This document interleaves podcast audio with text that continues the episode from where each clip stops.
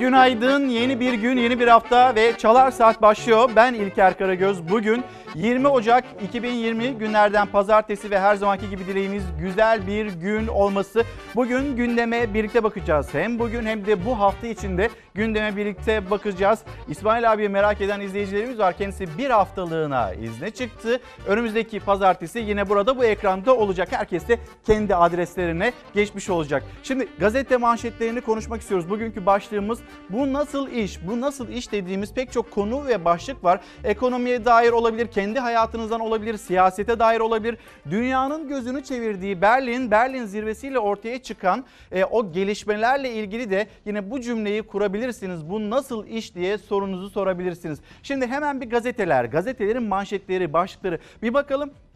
Aslında yeni günün ipuçları gazetelerin ilk sayfasında yer almakta. Bu başlıklar, bu haberler bize hem bu nasıl işledirtecek hem de hem bugünün hem de bu haftanın ipuçlarını veriyor olacak. Milliyet gazetesi Berlin'de mutabakat ateşkes kalıcı hale gelecek. Bu bir temenni tabii ki. Yani ateşkes kalıcı hale gelecek mi? Çünkü Berlin'de liderler toplandığında Hafter hala Trablus ve çevresini bombalıyordu. Yani Berlin'de ateşkes konuşulurken Hafter çoktan ateşkesi ihlal etmişti. Şimdi deniliyor ki Alman şansölyesi Merkel tarafından aslında Hafter de istiyor. Yani tarafların her ikisi de istiyor bu ateşkesi ama bu nasıl iş? Bir yandan ateşkes isteyeceksiniz, diğer yandan da geleceksiniz Trablus'u bombalayacaksınız ve burada verilen bir fotoğraf, o fotoğraf karesinde Cumhurbaşkanı Erdoğan var. 12 ülke, lider ve 4 de birlik onların buluşması ve bir yandan da Mısır e, lideri Sisi'nin de o fotoğraf karesinde yer aldığını görüyorsunuz.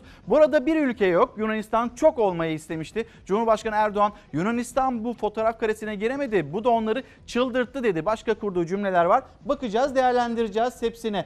Milliyet Gazetesi, Milliyet Gazetesi'nin geçtiğimizde Karar Gazetesi'nin başlığı çözüm Cenevre'ye ertelendi şeklinde. Yani aslında bu liderler buluşması, bu liderler zirvesi bir anlamda daha fare doğurdu dedirtti. Şimdi konuşuldu ateşkes, ateşkesi sağlayabilecek misiniz? Ateşkesle ilgili ortaya çıkan tablo şu. Biz biraz böyle bir ateşkesi izlemeye alalım. Bakalım taraflar ateşkes e, kararlarına uyuyorlar mı uymuyorlar mı? Siyasi çözüme sonra geleceğiz. İki tane hedefi var zaten. Bir kalıcı ateşkesi sağlamak. İkincisi de Libya'da siyasi çözümü elde etmek. Şu anda ikisinin de ve yol haritasının da Cenevre'ye ertelendiğini görüyoruz. Karar gazetesinin değerlendirmesi bu şekilde. Adalet Bakanı değerlendirmeleri var bakacağız. Sözcü gazetesi sür manşetinde yine bu nasıl iş dedirten o başlık. Yargının çelişkili halleri böyle dedirtiyor demekte. Sözcü gazetesi hakkında FETÖ iddiası olan hakim FETÖ'den müebbet alan eski generali beraat ettirdi. Başka bir şehre atandı. Halen hakim. Geldi çık işin içinden İşin içinden çıkamayan kişilerden birisi de Cumhurbaşkanı Erdoğan hangi cümleleri kurduğu bu tahliye ve tutuklama ile ilgili konuşacağız. Bir dışarıyı göstereyim sizlere. İstanbul'da yeni gün nasıl başlıyor? Saatler 7.18'i gösterirken ve 7.19'a doğru akarken İstanbul'da henüz yeni günün e, aymadığını, güneşin doğmadığını sizler de görmektesiniz. E, ve bugün İstanbul'da beklenilen en yüksek hava sıcaklığının 6 derece dolaylarında olacağı ve yağmurlu bir gün olacağı İstanbul'da söylenmekte. Peki memleket, memleket havası hemen paylaşalım sonra hızlı hızlı haberlerimizi ekranlara taşıyalım. Doğuda soğuk ve kar yağışı devam ederken batı bölgeleri beklenen yağışların etkisi altına girmedi. Yarı yıl tatilinin başlamasıyla tatilciler de kayak merkezlerine akın etti. Uludağ'a çıkmak isteyen vatandaşlar teleferik ve karayolunda uzun kuyruklar oluşturdu. Kayak yapmak için sabah saatlerinde sıraya giren vatandaşları dağda güneş karşıladı. Hava sıcaklığının eksi 7 derecelerde ölçüldüğü Uludağ'da kar kalınlığı ise 110 santimetre. Elazığ Hazar Baba Kayak Merkezi'nde ise festival vardı. Elazığlılar başta olmak üzere çevre illerden merkez akın eden tatilciler karın tadını çıkardı. Sivas'ta ise vatandaşlar buza dönen gölette yürüyüş keyfi yaşadı. Hava sıcaklığının sıfırın altında 10 dereceye düşmesiyle Yıldız Göleti buz tuttu. Yıldız Şelalesi de soğuğun etkisiyle kısmen buz tuttu. Buz sarkıklarıyla kaplanan şelalede kartpostallık görüntüler ortaya çıktı. Rizeliler ise kış yüzme şenliğindeydi. Kaçkar Dağları Milli Parkı Dere Mezra Yaylası'nda bulunan gölde düzenlenen kış yüzme şenliğinde bu yıl 25 kişi yüzdü. Yüzücüler göle girmeden önce horonla ısındı. Haydi! Şaşma! Şaşırma! 7 yaşındaki Rümeysa da babasıyla birlikte göle girenler arasındaydı. Müthiş bir görüntü. Kız çocuğumuz Osmaniye'de kar görmek için Zorkun Yaylası'na giden tatilciler dönüş yolunda kar sürprizi yaşadı. Yoğun kar yağışı nedeniyle yaklaşık 200 kişi araçlarında mahsur kaldı. Bölgeye sevk edilen ekipler kapanan yolu açıp mahsur kalanları kurtardı. Antalya'nın Alanya ilçesinde Rus turistler soğuk ve yağış aldırmadan denize girdi. Soğuk havaya rağmen dalgaların arasında kulaç atan Rus çift uzun süre doyasıya denizin keyfini çıkardı. Memleket havası bu şekilde olacak. Bizlere günaydın diyen izleyicilerimiz var. Ee, o izleyicilerimizden bir tanesi Semire Hanım. Semire Biner günaydınlarımızı iletelim. Ayşe Rızaoğlu Teşekkürler, çok sağ olun. Mersin Şehir Hastanesi'nde gece boyunca sıkıntılı e, anlar yaşadığını söyleyen ve bunu bizimle paylaşan bir izleyicimiz Cansu Hanım. Biz bir muhatap bulamıyoruz demekte bunun sıkıntısını paylaşıyor bizimle. İlhan Şenol, günaydınlar, Ayvalık'a selamlarımızı iletelim. E, bana da oldu açıkçası. Bana da biraz böyle bu giydiğim kıyafet, takım elbise biraz garip geldi diyeyim. Şimdi Sözcü Gazetesi, Sözcü Gazetesi'yle devam edelim. Bu nasıl iş başlığını okuduk ve bugünkü başlığımızda bu olacak. Bu nasıl iş? Şimdi gelelim diğer seçtiğimiz haberlere. Pazara çıkında gerçek enflasyon neymiş görün. Enflasyonu düşük çıkaran TÜİK'e işçilerden çağrı bu şekilde. Şimdi TÜİK bir enflasyon açıklıyor ama vatandaş dönüp baktığında enflasyon rakamları ben buna inanmıyorum. Çünkü ben hayatı böyle yaşamıyorum. Bu pahalılık TÜİK'in tarif ettiği pahalılıkla benim hayatımda karşılaştığım pahalılık arasında bir uçurum var demekte vatandaş. Dün işçiler Bursa'daydı. Bursa'dan da bu şekilde seslendiler. Bir çıkın bakalım çarşıya pazara ya da siz o hesaplamaları nereden hangi marketten yapıyorsanız bunu bize bir anlatın ya da bu marketleri tarif edin. Biz de gidelim oradan alışveriş yapalım. Çünkü sizin rakamlarınızla bizim rakamlarımız birbirini tutmuyor demekte. Bu nasıl iş diyeceğimiz konulardan bir tanesi de kuşkusuz bu olacak. Binlerce metal işçisi %8'lik maaş zammı teklifine tepki için dün Bursa'da miting yaptı. Mitingde konuşan Türk Metal Sendikası Başkanı Pevrul Kalvak, TÜİK'in enflasyonuna inanmıyoruz. Bizim enflasyonumuz çarşıda, pazarda, mutfakta dedi ve buna baktığınızda hem işçi için hem memur için, dar gelirliler için aslında bu ülkenin pek çok insanı için bir e, geçim sıkıntısı olduğunu söylemek gerekiyor. Bu nasıl iş yani? Diğer tarafta bakıyorsunuz o tünelin sonunda bir ışık var. Harika bir ekonomi 2020 yılı harikulade olacak. Bunlar söyleniyor. Ama vatandaş bunu ben hissetmedikten sonra cümlelerin kurduğunuz cümlelerin bir anlamı yok demekte. Gelelim Sözcü gazetesinden e, bir haber daha var. Birazdan bu haberi paylaşacağım. Türk milleti işte bu nedir diyeceksiniz. Birazdan bu haberi paylaşacağım. Gerçekten bir anda e, acı var, bir anda şehit üzüntüsü var ama bir yandan da yürekleri ısıtan bir haberi taşıyacağız. Konya Ilgın'dan gelecek bu haber. Ama pahalılıkla devam edeceğiz. Yeni çağ doğal gaz yangını demekte. Zamlı faturalar halka yandı mallar dedirtiyor. 2019'da yapılan fahiş zamların ardından kış aylarında gelen faturalarla şok olan vatandaş battaniyeye mahkum edildi. Aralık faturasıyla tırmanışa geçip soğuyan havalarla daha da artan ocak faturaları halkın bütçesine darbe vurdu. Doğalgazda %31 aşan zam vergilerle birlikte yeni yılda faturaları ikiye katladı. Borç batağındaki vatandaş kombisini açmaktan korkar hale geldi. Öyle midir? Yani Yeni Çağ gazetesinin tarif ettiği gibi mi? Sizin yaşadığınız ya da hissettiğiniz yoksa bu haberde biraz mübalağa var mı? Şimdi siyasete ya da ekonomiyi yönetenlere dönüp baktığınızda hayır öyle bir şey yok. Her şey yolunda. Bir refah var. Bu refahda halk vatandaş paylaşıyor ve herkese eşit olarak dağıtıyor gibi cümleler kurabilirler. Ama siz Hayatınızdan lütfen örnekler verin ve bu nasıl iş başlığı altında bize yazıp gönderin. Yeni Çağ gazetesi bu şekilde görüyor. İşte doğalgaz faturaları, havalar yavaş yavaş soğumaya başlayınca doğalgaza gelen o zamlar da kendisini iyiden iyiye hissettirmeye başladı. Yeni Çağ gazetesi e, siyaseti muhalef e, bir cepheden yorumlayan gazetelerden. Gelelim Türkiye gazetesi, Türkiye gazetesi bu doğalgaz ile ilgili mesela ne demekte? Başlığa geçelim. Faturalar doğal mı? Hala en ucuzu gaz.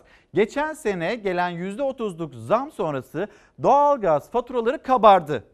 Zamlandı değil birden böyle kabardı böyle köpür köpür kabardı. Tüketici isyan etti. Soba tekrar gündeme geldi. Yani Türkiye gazetesi iktidara yakın olarak adlandırabileceğiniz bir gazete diyor ki soba tekrar gündeme geldi. Gaz, kömür, odun ve mazotla ısınma bedellerini karşılaştırdık. Kömürde yıllık gider 13 bini, mazotta 14 bini buldu. Gazda ise 3400 lirada kaldı. Yani siz şimdi e, gidip de evinizde bir soba kurarsanız kömür maliyeti var, ne bileyim mazot maliyeti var. Hiç bunlarla uğraşmayın. Gaz yine en ucuzu. E, buradan devam edin. Böyle zamlı zamlı ödemeye devam edin demekte Türkiye Gazetesi doğal gaz faturalarının zamlandığını değil de kabardığını söylüyor. O da kendi dilinde. Donuyoruz, donuyoruz, yakmıyoruz. Kat kat giyip oturuyoruz. Soba üstelik kombi de, şey değil, kombi Doğalgaz değil. sobası. Doğalgaz sobası olduğu halde 350 lira fatura geldi. Paltoları giyip oturacağız. Ne yapalım?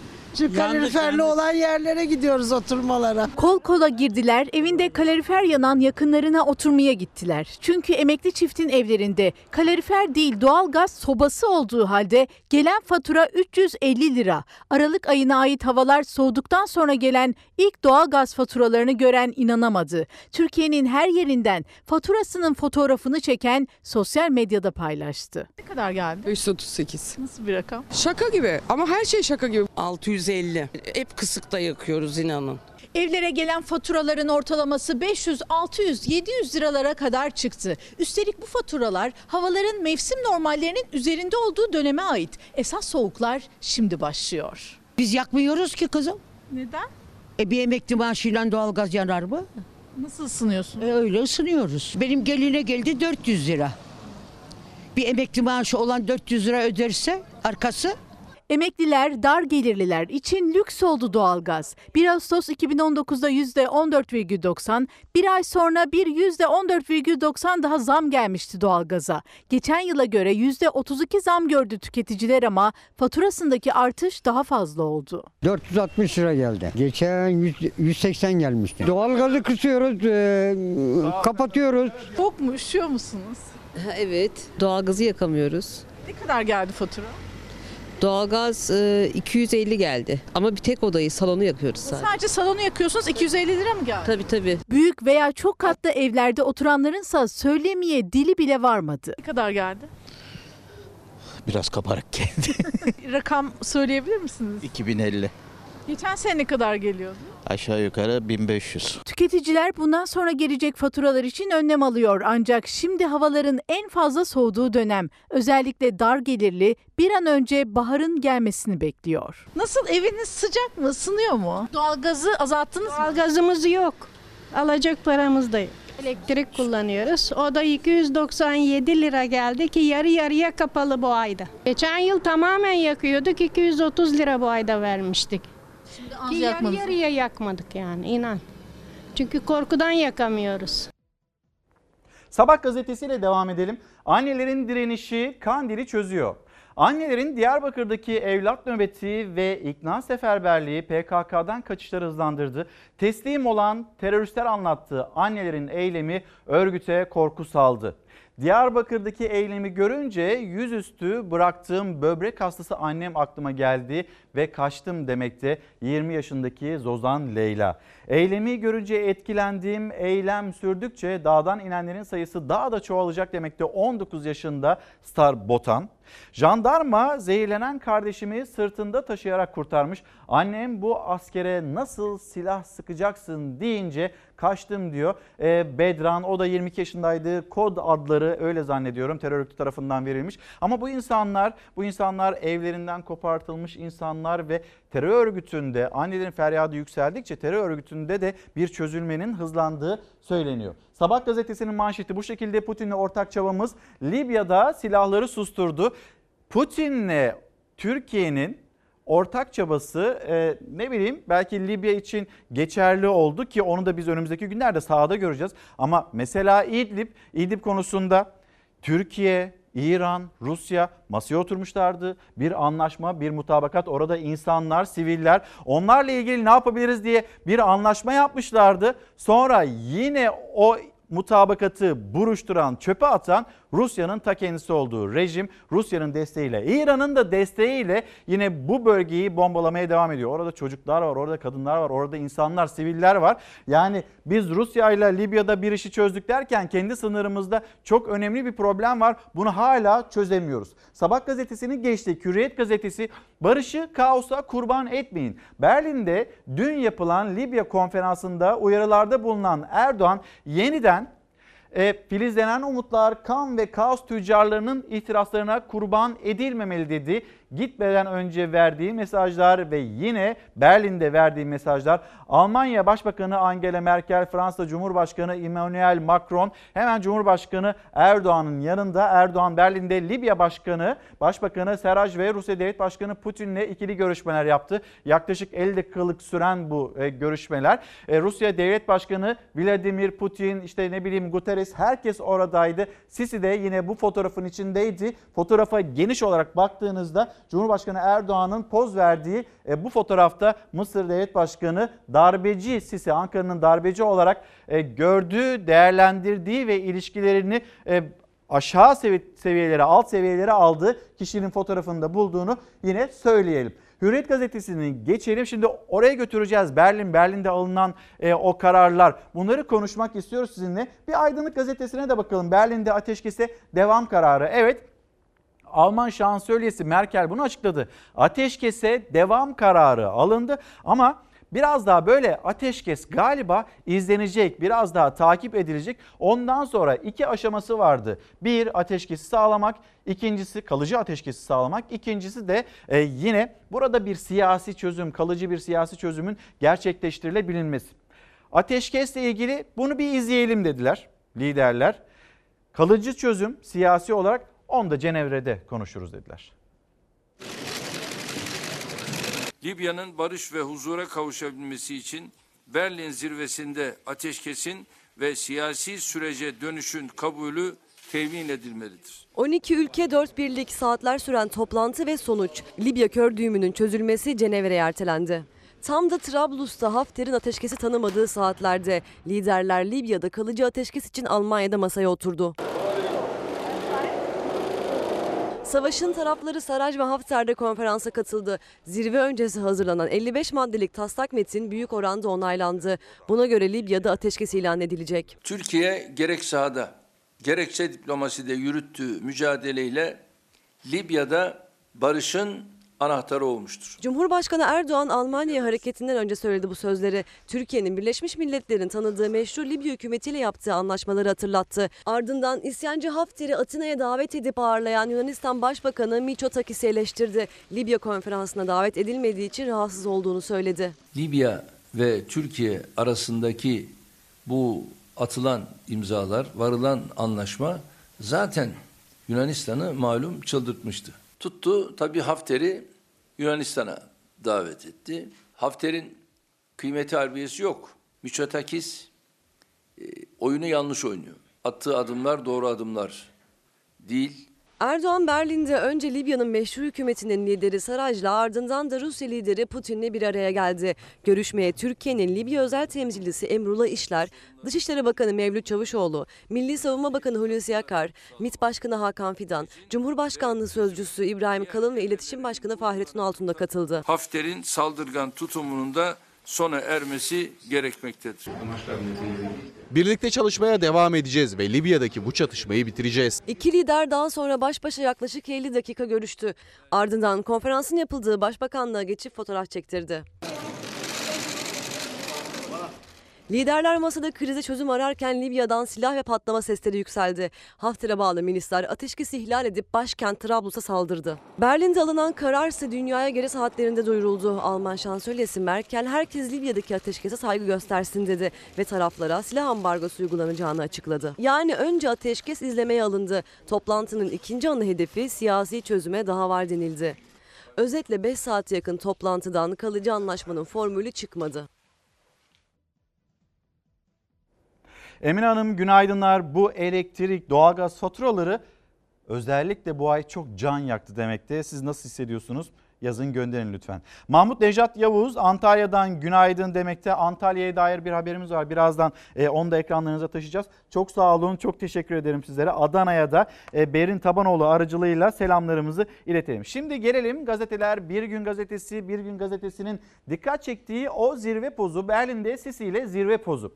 Libya'daki krize ilişkin düzenlenen zirvede liderler arasında yoğun diplomasi trafiği yaşandı. Macron Erdoğan'dan silahlı grupları Libya'ya göndermemesini istedi. Uluslararası paylaşım ve güç savaşlarının merkezlerinden biri haline gelen Libya'da kriz sürerken Almanya'nın başkenti Berlin'de pazarlık için masaya oturuldu. Ulusal Mutabakat Hükümeti Başkanı Saraj ve Libya Ulusal Ordusu'nun lideri Halife Hafter'in de bulunduğu konferansta AKP'li Cumhurbaşkanı Erdoğan, Rusya Devlet Başkanı Putin, İngiltere Başbakanı Johnson, e, Fransa Cumhurbaşkanı Macron, Mısır Cumhurbaşkanı Sisi de yer aldı. Şimdi Türk Gün Gazetesi, Türk Gün Gazetesi'ne baktığımızda Cumhurbaşkanı Erdoğan'ın Yunanistan'da o masada olmak istiyordu. Fakat olamadı, olamadığı için de çıldırdı. Bu cümleleri var. Az önce paylaşmıştık. Birazdan yeni bir gelişme de var. Tabii ki bu e, toplantının sonrasında Merkel bir açıklama yaptı. Guterres'ten açıklamalar geldi ve söz döndü dolaştı. Nereye geldi diye soracak olursanız söz döndü dolaştı petrole geldi. Petrolle ilgili verilen mesajlar nedir? Onu da ekranlarınıza taşıyacağız ama sonunda Hrant'ın düşleri kazanacak. Bu haberi okuyalım, bu haberin detaylarını paylaşalım, öyle devam edelim. Agos gazetesi genel yayın yönetmeni ve bir gün yazarı Hrant Dink katledilişinin 13. yılında anıldı. İstanbul'da vurulduğu yerdeki törene katılanlar vazgeçmeyeceğiz dedi. Bir günün Ankara bürosu önündeki törende konuşan bir gün yayın koordinatörü Yaşar Aydın. En sonunda biz kazanacağız. Hrant kazanacak. Hrant'ın düşleri kazanacak dedi.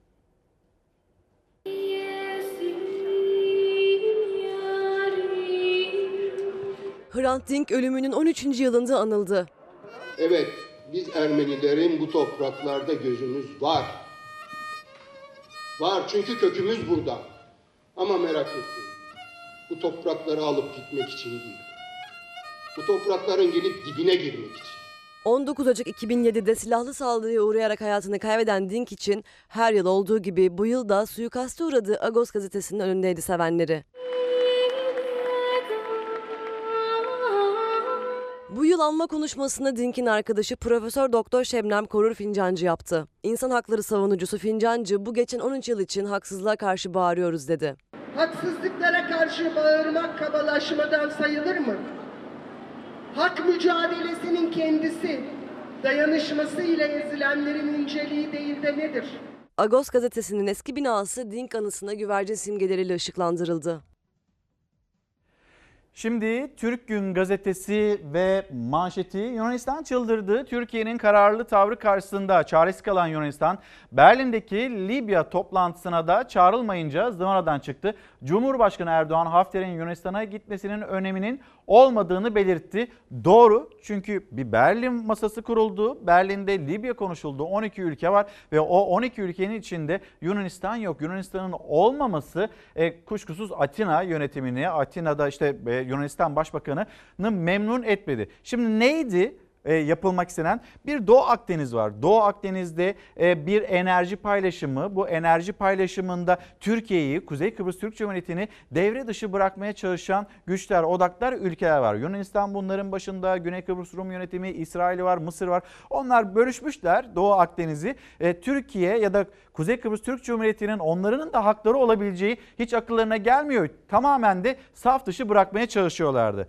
Türkiye Libya ile o mutabakatı deniz sahası anlaşmasını imzaladığından beri bu bölgede Libya'da hem çatışmalar arttı hem diplomatik anlamda o trafik hızlandı. Türkiye bir yandan kendi ana vatanını diğer yandan da mavi vatanını korumaya çalışıyor. Bu anlaşmayı gerçekleştirdi. Ama o anlaşma gerçekleştikten sonra tartışma Türkiye'de iç siyasette şu boyutuyla da e, konuşuyor. Çünkü Türkiye meclisten karar çıktı. Buraya bu bölgeye Libya'ya asker gönderme kararı aldı. Bir tezkere çıktı. Siyaset böyle olmasını istiyor istiyor. Yani muhalefet böyle olmasın. Birleşmiş Milletler buna müdahil olsun. Bir barış gücü gönderilsin demekteler ama o karar da çıktı. Hatta burada bu bölgede üslerin kurulduğu da yine söylenmekte. Şöyle bir özetleyeyim öyle devam edelim istedim. Berlin uzlaşısı tırnak içinde. Konferansa katılan ülkeler Libya'da çatışan taraflara silah göndermeme sözü verdi. Berlin'deki Uluslararası Libya Konferansı'nda 16 ülke ve uluslararası örgüt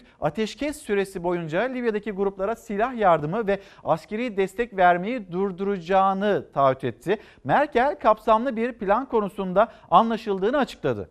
Merkel, Mısır, Rusya, Birleşik Arap Emirlikleri ve Türkiye ortak tavır alınca kolay olduğu açıklamasını yaptı. Bu arada Amerika Birleşik Devletleri, Amerika Birleşik Devletleri'nin bu yaşanan tartışmalar içinde sesinin neden çıkmadığını merak edenler varsa bir ABD'de bir tartışma işte azil süreci Trump'la ilgili. İkincisi İran'la yaşanılan tartışmalar ama ABD şu anda gelişmelere müdahil değil diye gelişmeleri takip etmiyor diye düşünüyorsak orada yanılmış oluruz. Çünkü Mısır orada ABD'yi anında bilgilendirebilecek bir ülke. Yine Birleşik Arap Emirlikleri ABD'nin izinden kopmayacak ülkeler arasında. Dolayısıyla burada bu toplantıda ne konuşuluyorsa ABD'ye de anında o e, toplantının bilgileri gidiyor. Sonuç bildirgesindeki 5 artı 5 kişilik askeri komitenin oluşturulması ve Tobruk merkezli temsilciler meclisinin onayladığı bir hükümetin desteklenmesi maddeleri dikkat çekti. Şimdi sağdaki gelişmeler bunlar dikkatle takip edilecek.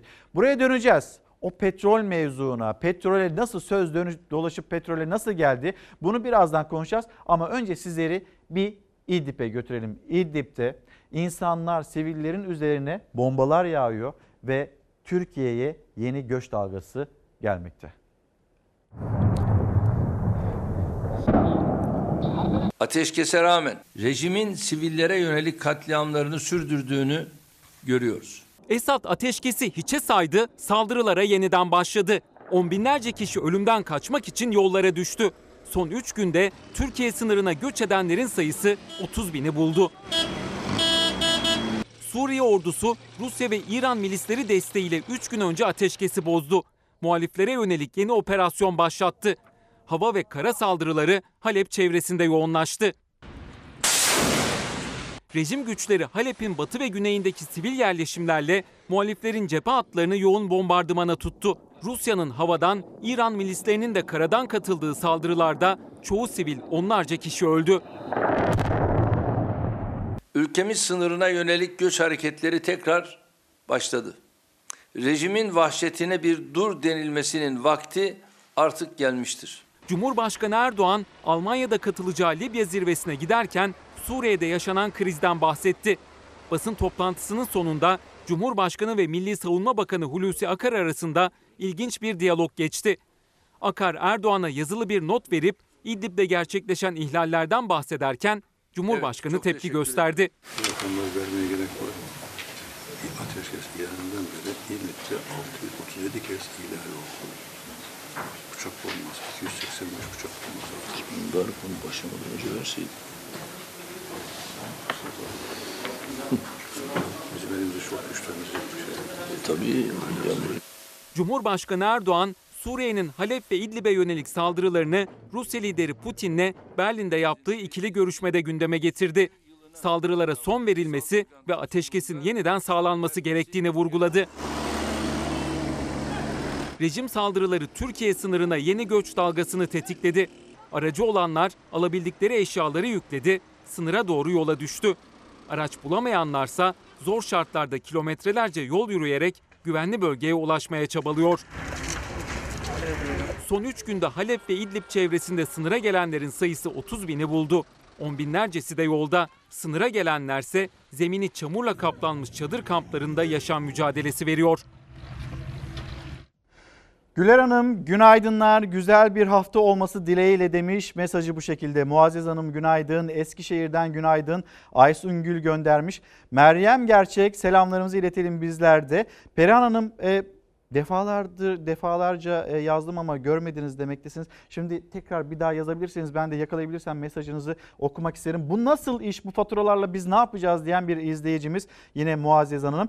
Ee, Osmaniye'ye selamlar. Gelen mesajlara elimden geldiğince şöyle hızlı hızlı bakmaya çalışıyorum. Bir yandan da bugün bir misafirimiz olacak. Yani Milli Eğitim Bakanlığı çocuklarımıza karnelerini verdi. Biz de Bugün bir milli eğitimin aslında karnesine bakalım istiyoruz ve bunu eğitim yazarı Abbas Güçlü birazdan burada misafirimiz olacak. Abbas Güçlü ile konuşmak istiyoruz. Zaman zaman görüşlerine, düşüncelerine sosyal medyada aktardıklarına yer veriyorduk. Özlemiştik kendisini. Burada bir ağırlayalım. Eğitim sistemimiz ne alemde? Mesela e, işte Eylül ayından bugüne kadar yapılmak istenen, atılan e, ya da atılmak istenen adımlar vardı. Biz ne kadarını başardık? Öğretmenlerimiz konusunda, öğrencilerimiz konusunda nerelerde tamamız, nerelerde çok eksiyiz? Bunların hepsini konuşmak istiyoruz. Birazdan Abbas Güçlü yanımızda olacak. Cumhuriyet Gazetesi, Cumhuriyet Gazetesi'nin bugünkü manşet haberi çok konuşulacak.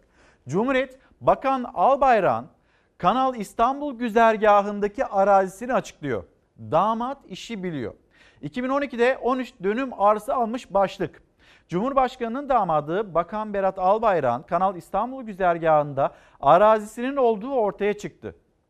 Cumhuriyet'in araştırmasına göre Albayrak'ın babası Sadık Albayrak Arnavutköy'de 3 dönüm arazi aldı. Erdoğan 2011'de Kanal İstanbul projesini açıkladı. Bir yıl sonra da damadı babasının arazisine komşu 13 dönümlük araziyi satın aldı. Arnavutköy Boyalık'ta bulunan e, tarla vasfındaki arazi Kanal İstanbul için değiştirilen yeni planda konut alanı sınırları içerisinde kalıyor. Bölgedeki arazilerin çok değerlendiğini belirten köylüler son birkaç haftadır arazi almak isteyen emlakçılar ve Araplar buraya akın etti denilmekte. Şimdi Katar emiri, Katar emirinin annesi aldı mı almadı mı orası da biraz böyle e, muğlakta kaldı. 44 e, dönümlük bir arazi. Bakıyorsunuz Katarların bir e, ilgisi var burada ama tarlaya yani gelecekler sanki tarım yapacaklar. Bir tarla arazisi, tarla alanı kapatıyorlar. Burada sanki böyle ne bileyim domates yetiştirecek gibi, salatalık yetiştirecek gibi. Onlar gelmişler. Suudi Arabistan dönüp bakıyorsunuz onlarda da var. Kuveyt, Kuveyt'ten de böyle bir ilgi var. İstanbul'dan gelip tarla alıyorlar ama yani böyle imarlı arsa değil tarla alıyorlar ve o tarlalar ne hikmetse tam da böyle Kanal İstanbul'un geçeceği arazinin civarlarında yakınlarında ya da tam kıyısında nasıl oluyorsa. Şimdi Cumhuriyet Gazetesi'nin manşeti çok dikkat çekici, çok çarpıcı, çok konuşulacak. Damat işi biliyor şeklinde ve bir başlık daha yabancıya gitmesin diye. Cumhuriyet'in sorularını yanıtlayan bir bakanlık yetkilisi. Berat Bey'in babası 2003'te bu köyden arazi aldı. 2012'de yan taraftaki arazi satışa çıktı. Yabancıya gitmemesi için de Berat Albayrak bu araziyi aldı. Kanal İstanbul'la bağdaştırmak zorlama olur. Kanal İstanbul'la bir ilgisi yok dedi. Yani bir arazi alınmış, yabancıya gitmesin diye alınmış. Yani bakanlıktan yapılan açıklama bu şekilde. Şimdi bunu Kanal İstanbul'la nasıl bağdaştırıyorsunuz? Kanal İstanbul'un projesine yakın diye bir bakanlık yetkilisinin de açıklaması var. Ve Kanal İstanbul tartışması. Bu yapıların bir kısmı e, gölün içine doğru kayma olayı olursa şaşırmam. Depremin etkisi böyle olacaktır. Deprem burada olduğu zaman en çok etkileyeceği yer neresidir? İşte birisi burasıdır Küçükçekmece. Bir tanesi Karşı, Avcılar ve Esenyurt'tur. Su yolunun yapılmasıyla daha da çok duraysız bir duruma dönüşecektir bunlar. Bölge zaten risk altında. Yıllardır bölgeyi araştıran Profesör Övgün Ahmet Ercan'a göre Kanal İstanbul riski daha da arttıracak. Esenyurt, Avcılar ve Küçükçekmece'de heyelanlar kaçınılmaz olacak. Burası kazılacak, burası denizle birleşecek. Artık gölün bu durgun durumu olmayacak. Bu göl birden ırmak gibi akacak. Ne kadar akacak biliyor musunuz? Saniyede 800 metreküp su getirecek böyle vın diye akma başlayacak. Karadeniz'in suyu buraya basacak. Çevre ve Şehircilik Bakanlığı'nca ÇED raporu onaylanan Kanal İstanbul projesinin yaratacağı en büyük risklerden biri su akış hızının artması. Şu anda durağan olan göl Kanal İstanbul yapılırsa nehir gibi akmaya başlayacak. Bu kez kenarlardan su yemeye başlayacak. Çünkü bunun altına bir beton serilmesi diye bir olay söz konusu değil. Kanarya kesimini aşındıracak ve o aşındırdıkları toprakları Marmara'ya doğru sürükleyecek. Orada yeni kaymalar tetiklenebilir. oradaki yapıların hepsi çekince altına girebilir. İşte burası Kanal İstanbul projesinin denizle buluşacağı bölge. Uzmanlara göre en büyük risk de burada Küçükçekmece Gölü'nün kıyılarında. Kanal İstanbul projesiyle birlikte Esenyurt, Avcılar ve Küçükçekmece'de heyelan riski artacak. Boğaziçi Gezi topluluğuyla birlikte Marmara bölgesindeki fay hatlarına bir gezi düzenledi Profesör Övgün Ahmet Ercan. Kanal İstanbul'la birlikte oluşabilecek riskleri de tam da yerinde anlattı. Şurası İstanbul Üniversitesi. Bakın veterinerlik fakültesi, mühendislik fakültesi ve onun olduğu o yeşillik alanlar onlar kayma bölgeleridir. İstanbul Üniversitesi tam kayma bölümünün taç kesimine yapılmıştır. Şimdi bilim der ki kayma bölümlerinde sakın yapılaşmayı açmayın yoksa burası kayar diyor. Çet raporu çıktı, olumlu bir rapor çıktı. İnsanlar işte İstanbul'da o zincirleri oluşturdular, istemiyoruz dediler, itiraz ettiler. Çet raporunda 200 e, bilim insanının imzası var. Ama onlar çıkıp neden olumlu rapor verdiklerini söylemiyor ve siyasetçiler bunu konuşuyorlar. İşte isteseniz de istemeseniz de çatlasanız da patlasanız da böyle bir inatlaşma şeklinde bu tartışma devam ediyor. Kanal İstanbul'un ne kadar zararlı olabileceğini işte o heyelan tehlikesi bunlardan bir tanesi. Belki deprem tehlikesi yaratmayacaktır. Jeolojik olarak ele alındığında ama bir heyelan tehlikesi ve buna dikkat çeken bir bilim insanı bu cümleler ortadayken bu Kanal İstanbul 75 milyar dolar, 100 mi- e, 75 milyar lira ya da 100 milyar lirayı aşabilecek bir maliyet. Türkiye bunu kaldırabilir mi, kaldıramaz mı? Bunun enine boyuna tartışılması gerekirken hiç konuşulmuyor olması vatandaşlarda bir şaşkınlık yaratıyor. Bu nasıl iş dedirtiyor? Öyle zannediyorum. Cumhuriyet Gazetesi kriz ayrışması. Zengin, fakir ayrımı dindar layık kutuplaşmasının önüne geçti. Kadir Has Üniversitesi'nin 10 yıldır bu araştırmayı yaptığını söyleyen Profesör Mustafa Aydın hep layık dindar ayrımı ne şekilde görülürdü fakat bu sene ilk defa zengin fakir ayrımını gördük. Çünkü ekonomik kriz var dedi. Her ne kadar işte darboğaz, sıkıntı vesaire bu cümleler kurulurken 2019 güzel geçti, 2020 muhteşem geçecek cümleleri kurulurken ekonomik kriz var demekte Kadir Has Üniversitesi'nin yaptığı araştırmanın sonrasında. Aydın AKP seçmeninin başkanlıktan MHP kadar mutlu olmadığına dikkat çekerek eğilimler araştırmasına göre mutsuz AKP seçmeninin merkez sağda bir parti istediği yine belirtildi. İpek Özbey'in özel haberi ve röportaj haberiydi. Devam edelim. Yurt gazetesi işte zengin fakir ayrımı bunu daha fazla insanlar önemsiyor ve burada bir e, sıkıntı yaşandığını söylüyor. Cumhuriyet gazetesi ya da yapılan araştırma Kadir Has Üniversitesi'nin. Gelelim şu başlığa yoksulluğu asla afişe etmeyeceğiz. Cumhurbaşkanı Recep Tayyip Erdoğan'ın ücretsiz süt vereceklerdi. Hala süt gelecek. Nerede kaldı bu süt açıklamalarına Ekrem İmamoğlu Raşan Ecevit'in cenaze töreni sonrasında cevap verdi. İmamoğlu Cumhurbaşkanı Recep Tayyip Erdoğan'ın dün İstanbul'a katıldığı programda ücretsiz süt vereceklerdi. Hala süt gelecek. Nerede kaldı bu süt? Su fiyatları düşecekti. Ne oldu? Neyse Allah'a dua edelim de sularımız, yağmurlarımız kesilmesin. İnşallah sular devam etsin sözlerinin hatırlatılması üzerine yardım elinin uzandığı hiçbir insanın reklam edilmesine müsaade etmeyeceklerini söyledi. Su konusunda biz indirim yaptık. Süt konusuna gelince biz o sütü dağıtıyoruz zaten ama bunu da böyle şov şeklinde yapmıyoruz dedi Ekrem İmamoğlu.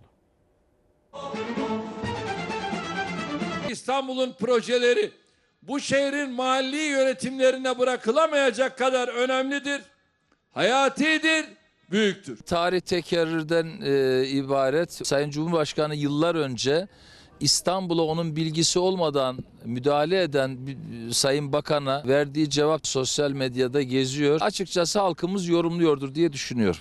İstanbul Büyükşehir Belediye Başkanı Ekrem İmamoğlu Erdoğan'a yine Erdoğan'ın sözlerini hatırlatarak yanıt verdi. 23 sene öncesini. Yıllar önce kendisi açıkladı. Siz İstanbul'un belediye başkanısınız. Herkes kendi konumunu çok iyi takdir Tabii etsin. İstanbul'la ilgili konuda lütfen beni aşmayın. Ben o konuda da sizi aşarım. Benimle görüşün ondan sonra açıklama yapın. Bu duyguyu kaybetmemesini dilerim. Yeni İstanbul Havalimanı'nı şehir merkezine bağlayacak metro hattının ilk ray kaynağı törenine İstanbul Büyükşehir Belediye Başkanı Ekrem İmamoğlu davet edilmedi.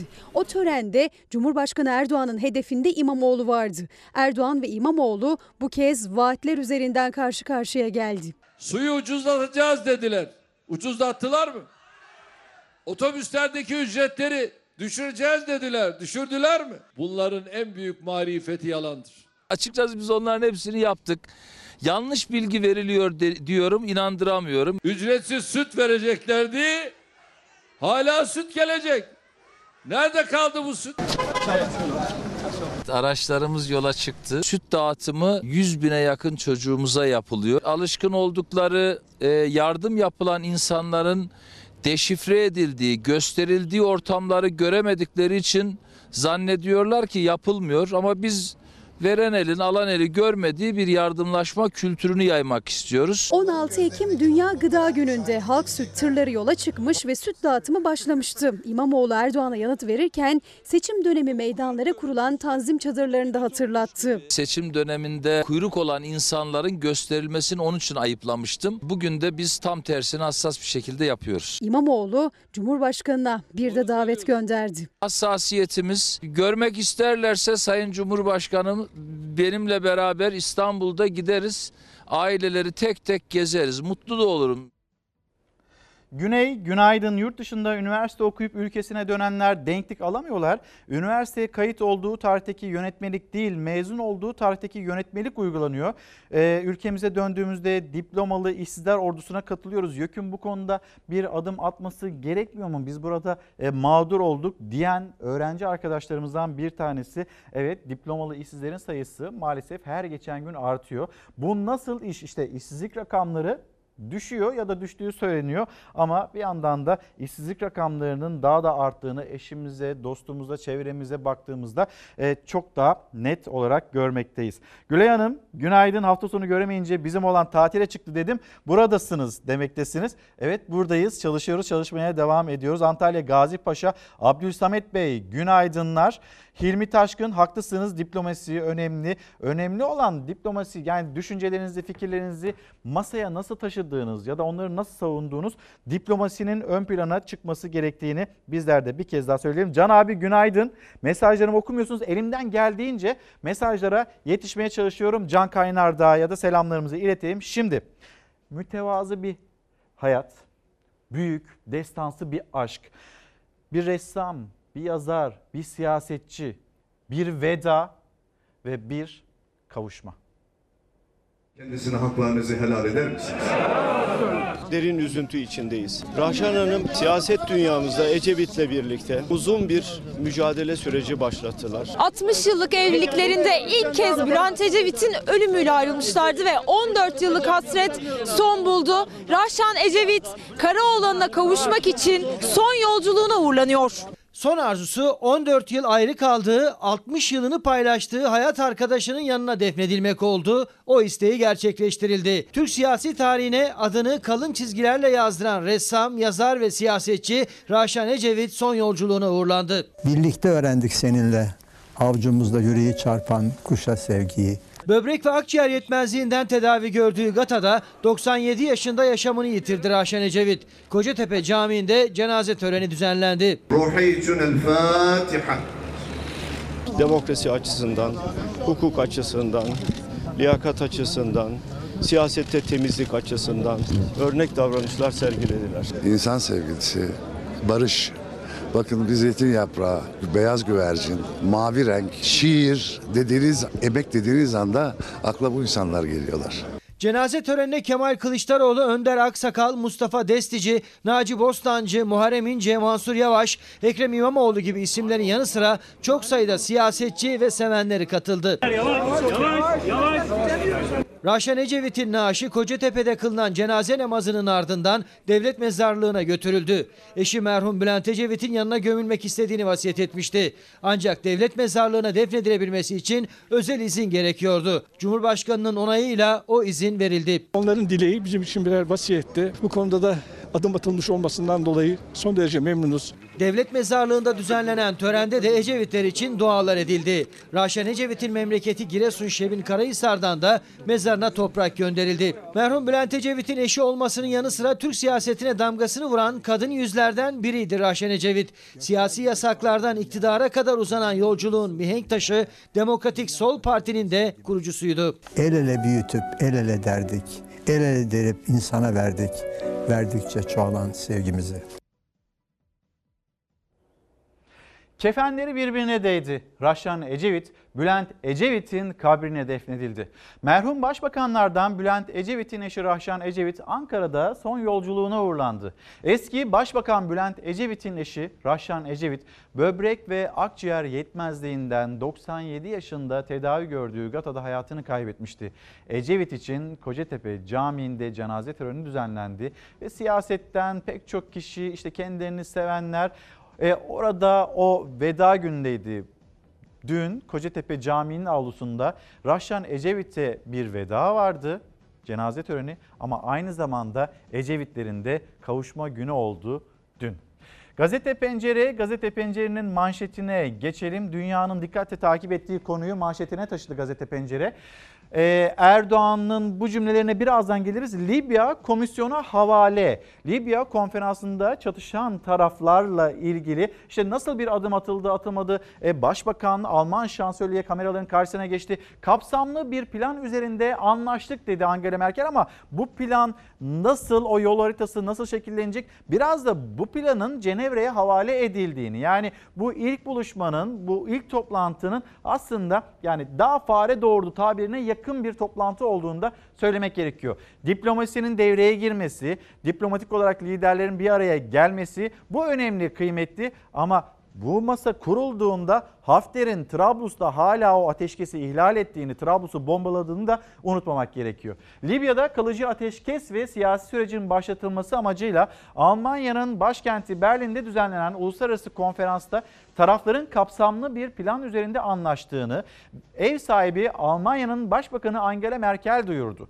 Angela Merkel katılan tarafların ateşkes süresi boyunca Libya'daki gruplara silah yardımı ve askeri destek vermeyi durdurmayı kabul ettiğini duyurdu ve Merkel 5 artı 5 kişilik askeri bir komitenin oluşması için isimlerin belirlendiğini de açıkladı. Şimdi bu cümleler kuruldu, kuruldu, kuruldu, kuruldu o basın toplantısında söz dönüp dolaşıp nereye geldi biliyor musunuz? Söz dönüp dolaşıp petrole geldi. Almanya'nın başkenti Berlin'de 12 ülke bir araya geldi. Libya krizine çözüm arandı. Konferansın başlamasıyla Libya'nın başkenti Trablus'ta patlama sesleri yükseldi. Libya'nın güneyinde Hafter'i destekleyen aşiretler petrol sahalarının kapatıldığını duyurdu. Libya'nın güneyinde günde ortalama 400 bin varil petrol üreten iki petrol sahası El Sahara ve El Fer kapatıldı. Berlin'deki zirve devam ederken yaşanan gelişmelerle birlikte Hafter'e bağlı güçler başkent Trablus'a saldırdı. Ardından Libya'daki petrol akışının durdurulduğu bilgisi geldi. Cuma günü Libya'nın doğusunu kontrol altına alan Hafter destekçileri bölgedeki birçok petrol terminalini kapattı. Petrol hilali olarak anılan bölgede Züveytine, Bireyka, Raslanuf ve Sidre petrol sahaları bulunuyor. Bu sahalar ülkenin petrol ihracatının %60'ını oluşturuyor. Şimdi de güneydeki terminallerin kapanması, Libya'daki petrol akışının durması endişe uyandırıyor.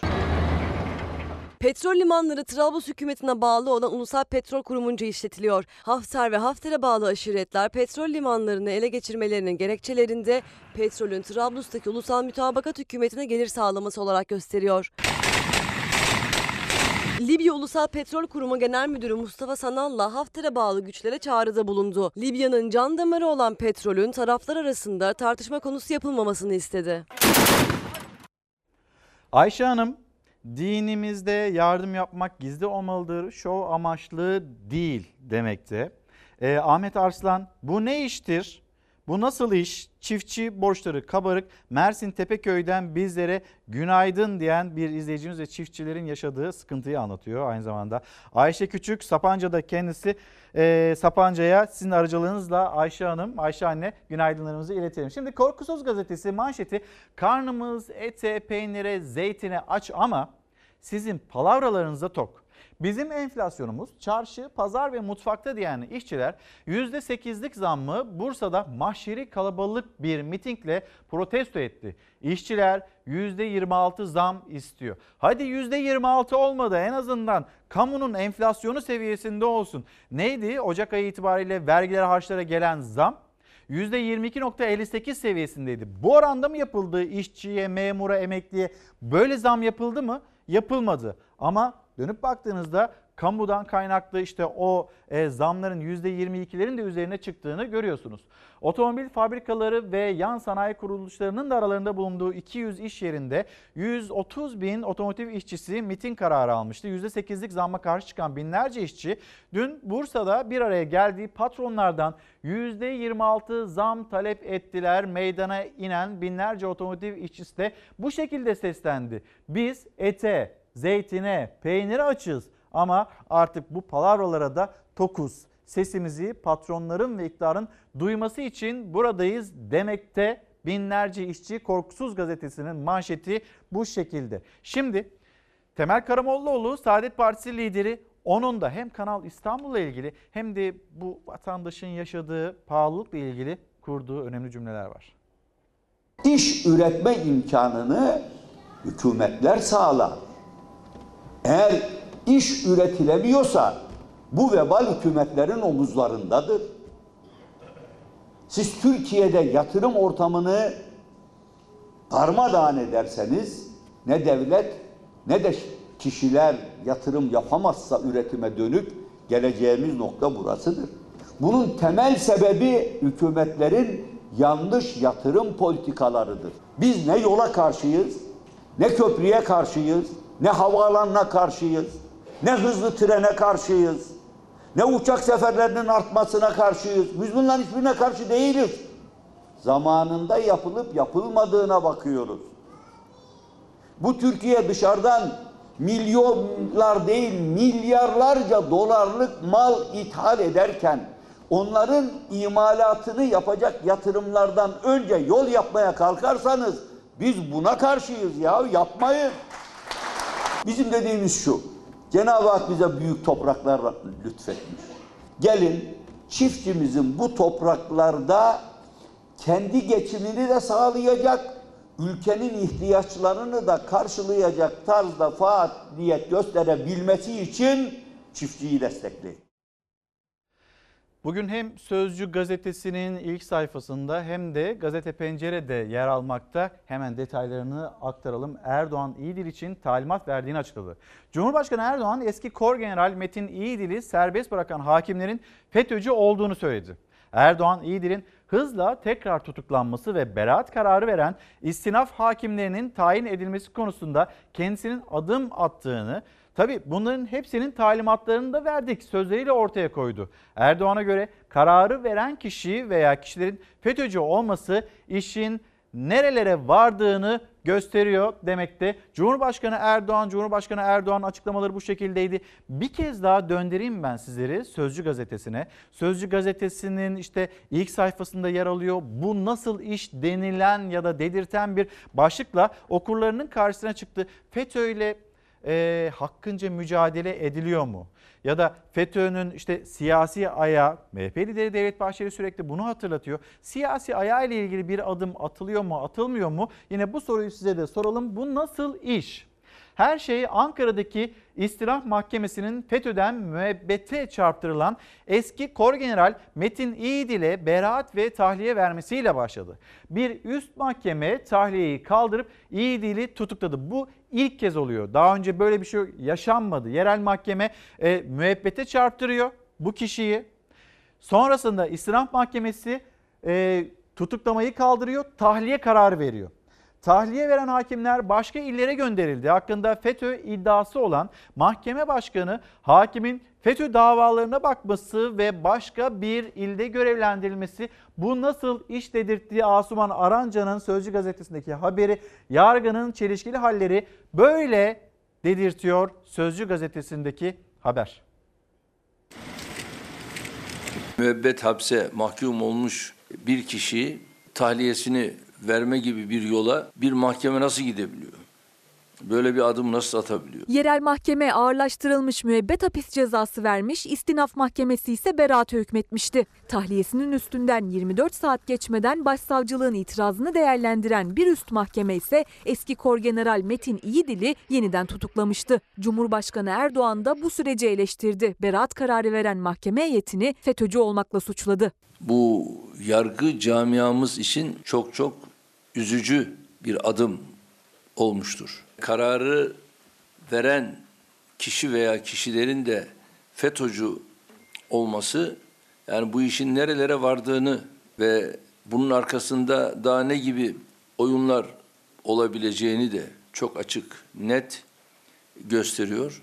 Erdoğan beraat kararı veren mahkemeyi bu sözlerle eleştirirken aynı dakikalarda Adalet Bakanı Abdülhamit Gül'ün de gündeme aynı konuydu. Kanal 7'de katıldığı Başkent Kulisi programında yargı ele geçirilecek bir yer değil diyerek Erdoğan'ın sözlerine ters düşen bir açıklama yaptı. darbeyi yargılayan, darbecileri yargılayan hakim savcılara bu anlamda töhmette bulunmak büyük bir haksızlık olur. Ülkemize yazık olur.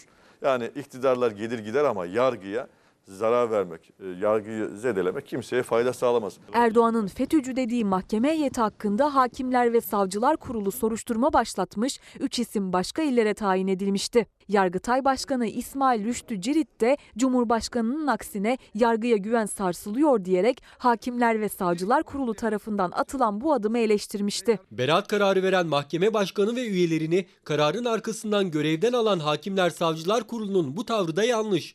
O zaman yargı bağımsızlığına gölge düşüyor. Bizim de kabul etmediğimiz kararlar çıkıyor. Ama bunun bir üst merci var. Oradan düzeltilir. Hemen medyasıyla, hemen siyasileriyle biz de hakim savcı olup e, bu anlamda bir e, yargıyı zedelemek ülkemize bir e, eksiklik, bir hata olur. Cumhurbaşkanı Erdoğan ise istinaf mahkemesinin kararının anlaşılabilir olmadığını söyledi. Metin İyidil'in anayasal düzeni ortadan kaldırmaya teşebbüs suçundan yeniden cezaevine konulmasından memnun olduğu mesajını verdi. Hak sonunda er veya geç yerini buluyor. Bu FETÖ borsasının yeni bir manipülasyonu olabilir.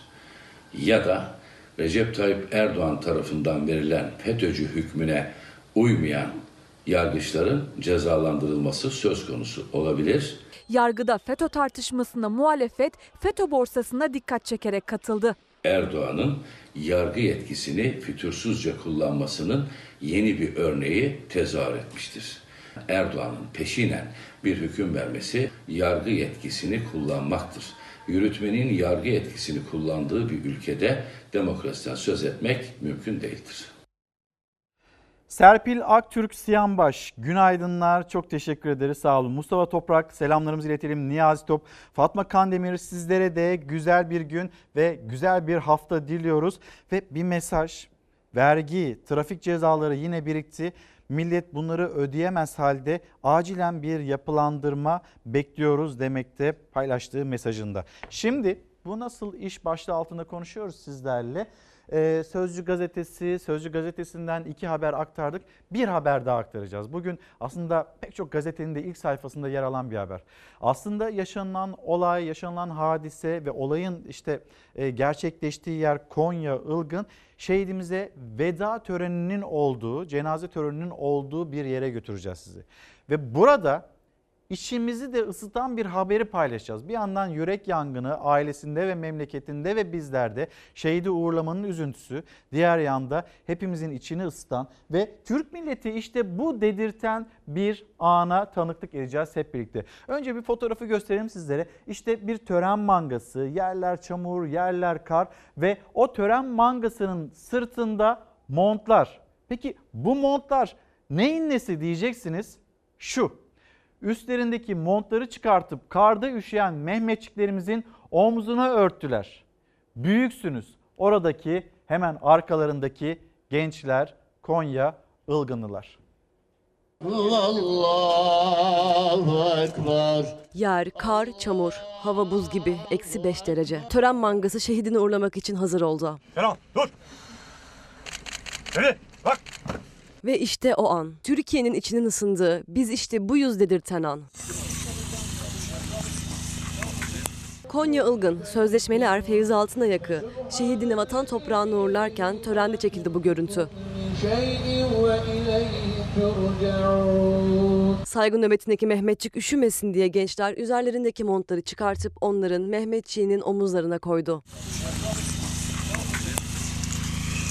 Yüreklerde şehit acısı, Mehmetçiğin omuzunda nöbeti devralmaya hazırız mesajı veren ve arkalarında hazır ola geçen gençlerin montları. Kendi ceketlerini görevli askerlerimize e, üşümesin diye giydirirken e, halkımızın e, kendi askeri için fedakarlık yap, yapması çok hoşuma gitti. Parkelerini verenlerin e, yedek montları ya da başka bir şeyleri yoktu. Sadece kazaklarıyla e, törene devam ettiler. Efendim şimdi daha önceden de söylemiştim önemli bir e, misafirimiz olacak diye. Eğitim dünyasının önemli kişilerinden birisi, yazarlarından birisi Abbas Güçlü. Günaydın. Günaydın. Hocam hoş geldiniz. Hoş bulduk. Şimdi e, Cuma günü karneler verildi. Biz de bir bakalım hani eğitim sistemi, eğitim sistemimizin karnesi, Milletin Bakanlığı'nın karnesi nasıl? Biz neyin nerede ne kadar doğru yaptık ya da nerede e, ciddi açıklarımız var, hatalarımız var? Bunu bir anlamak istiyoruz. Siz en yakından takip eden kişilerden birisiniz. Önce bir Ankara'ya gidelim. İzleyicilerimizi de götürelim bir Ankara'ya. Öğretmenlerimiz var. Öğretmenlerimizin yaşadığı sıkıntılar var. Defalarca dile getiriyoruz işte kadrolu öğretmen, ücretli öğretmen, sözleşmeli öğretmen, öğretmenler odasındaki, odasındaki bu ayrım böyle olur mu? Olmaz. İşte atanamayan öğretmenlerimiz. Bunları sürekli konuşuyoruz. Dün Ankara'da öğretmenlerimiz buluştu. Yaşadıkları sıkıntıları bir kez daha ve Milletin Bakanlığı'nın en yakınında duyurmaya çalıştı.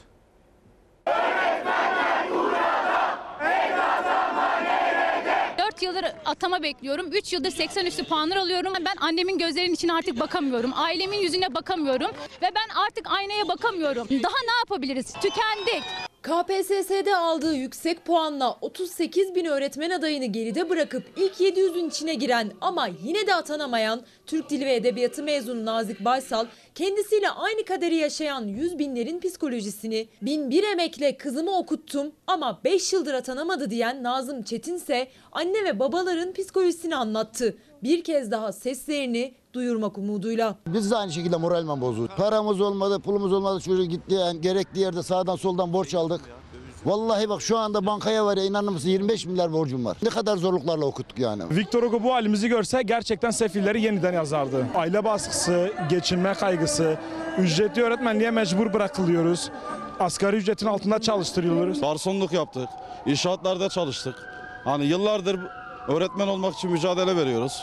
Yani kar, kış, soğuk demeden Van'dan, Kars'tan, Diyarbakır'dan hepimiz buraya geldik. Türkiye'nin dört bir yanından Ankara'ya geldi atanamayan öğretmenler. İstekleri yıllardır aynı ama sayıları giderek artıyor. Bu yüzden Milli Eğitim Bakanlığı'nın Şubat ayında yapacağı 20 bin atamaya ek 40 bin atama daha istiyorlar. İstenilen puanı biz almamıza rağmen niye bize istenilen kontenjan verilmiyor? Bizi sadece evimizin köşesinde çürütmeye bırakmışlar. Biz çalışkan Türk gençleri olarak biz bunları hak etmiyoruz. Gelecek nesil öğretmenlerin eseridir diyen baş öğretmen Mustafa Kemal Atatürk'ün ulustaki heykelinin hemen yanı başından hükümete seslerini duyurmaya çalışıyor. Atanamayan öğretmenler. Atama olsa, bir umut olsa hiçbir yerden tutacak bir dalımız yok. İşsizim ve e, kredi borcumu nasıl ödeyeceğimi bilmiyorum.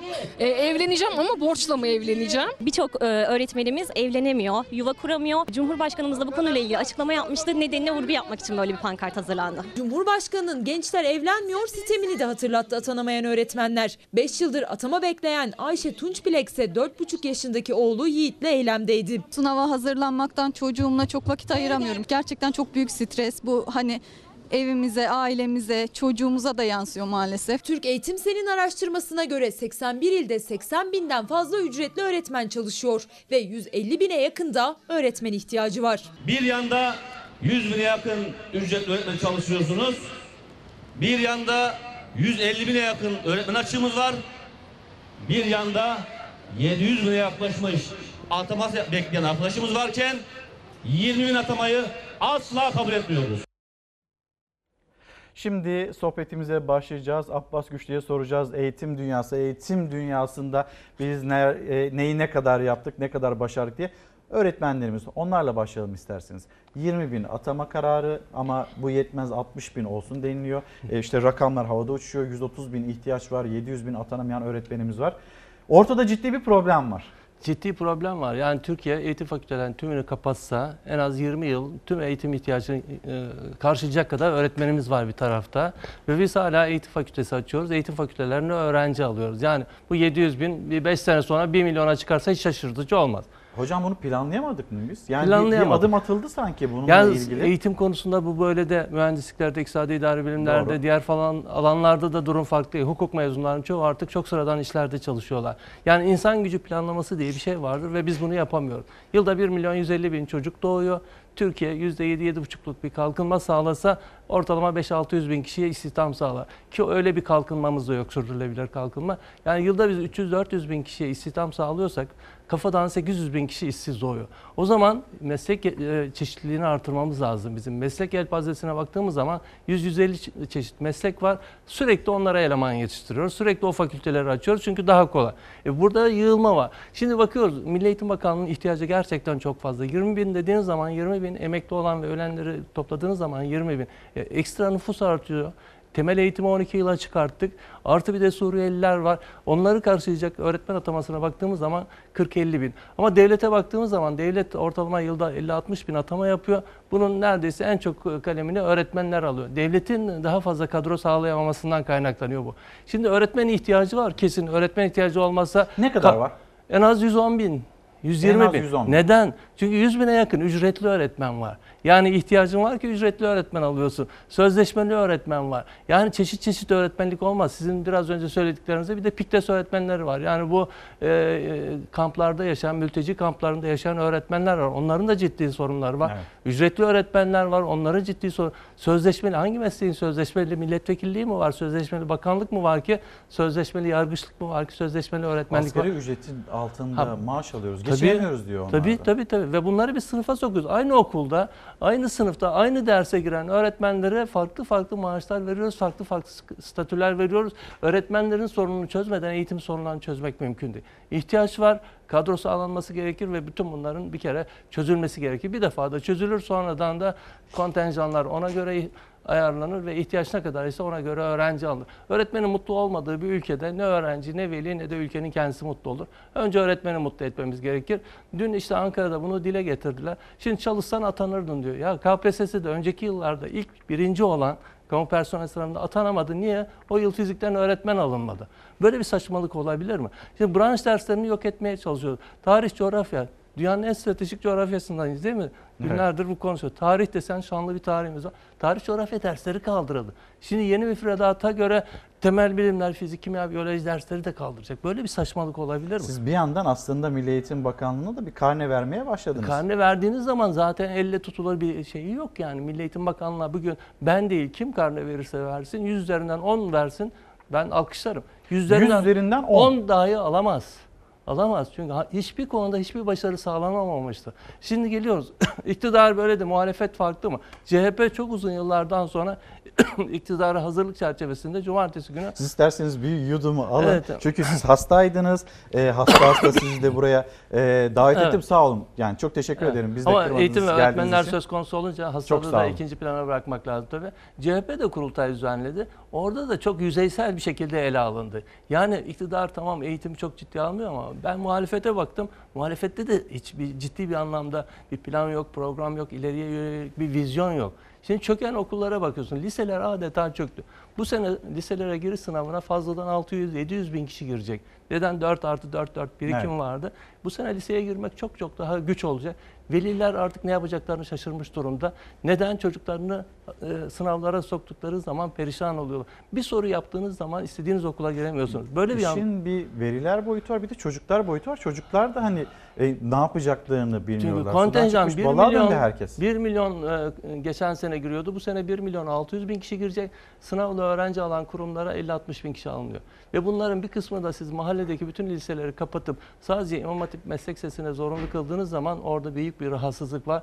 Büyük bir kısmı özel okullara kaydı. Özel okullarda bataklığın içerisinde şu anda tam e, battı batıyor. Pek çoğu da batma noktasına geldi. Yani eğitimin nereden tutarsanız tutun her tarafı lime lime dökülüyor. Bu konuda peki bir çaba var mı? İşte yıllar sonra ilk defa eğitim içinden bir bakan geldik diye çok büyük bir e, şey oldu, sempati oluştu. Çok büyük bir kredi verildi. Ama Sayın Bakan romantik tweetler atmak, mesajlar atmanın ötesine geçemedi. Yani temel sorunlara giremedi. Öğretmen gibi temel bir konuda meslek öğretmen meslek yasasını çıkarmadı. Temel eğitim kanununu yeniden ele alamadı. Örneğin sınavların Türk eğitim sisteminin en büyük belası, baş belası sınavlardır. Sınav odaklı Mesela bir eğitim. bir hedef vardı. E, işte sınav odaklı bir eğitim sisteminden uzaklaşma 2023 Yok, vizyonu. şimdi daha da- E, işte ne bileyim benzer imkanlara sahip okullar.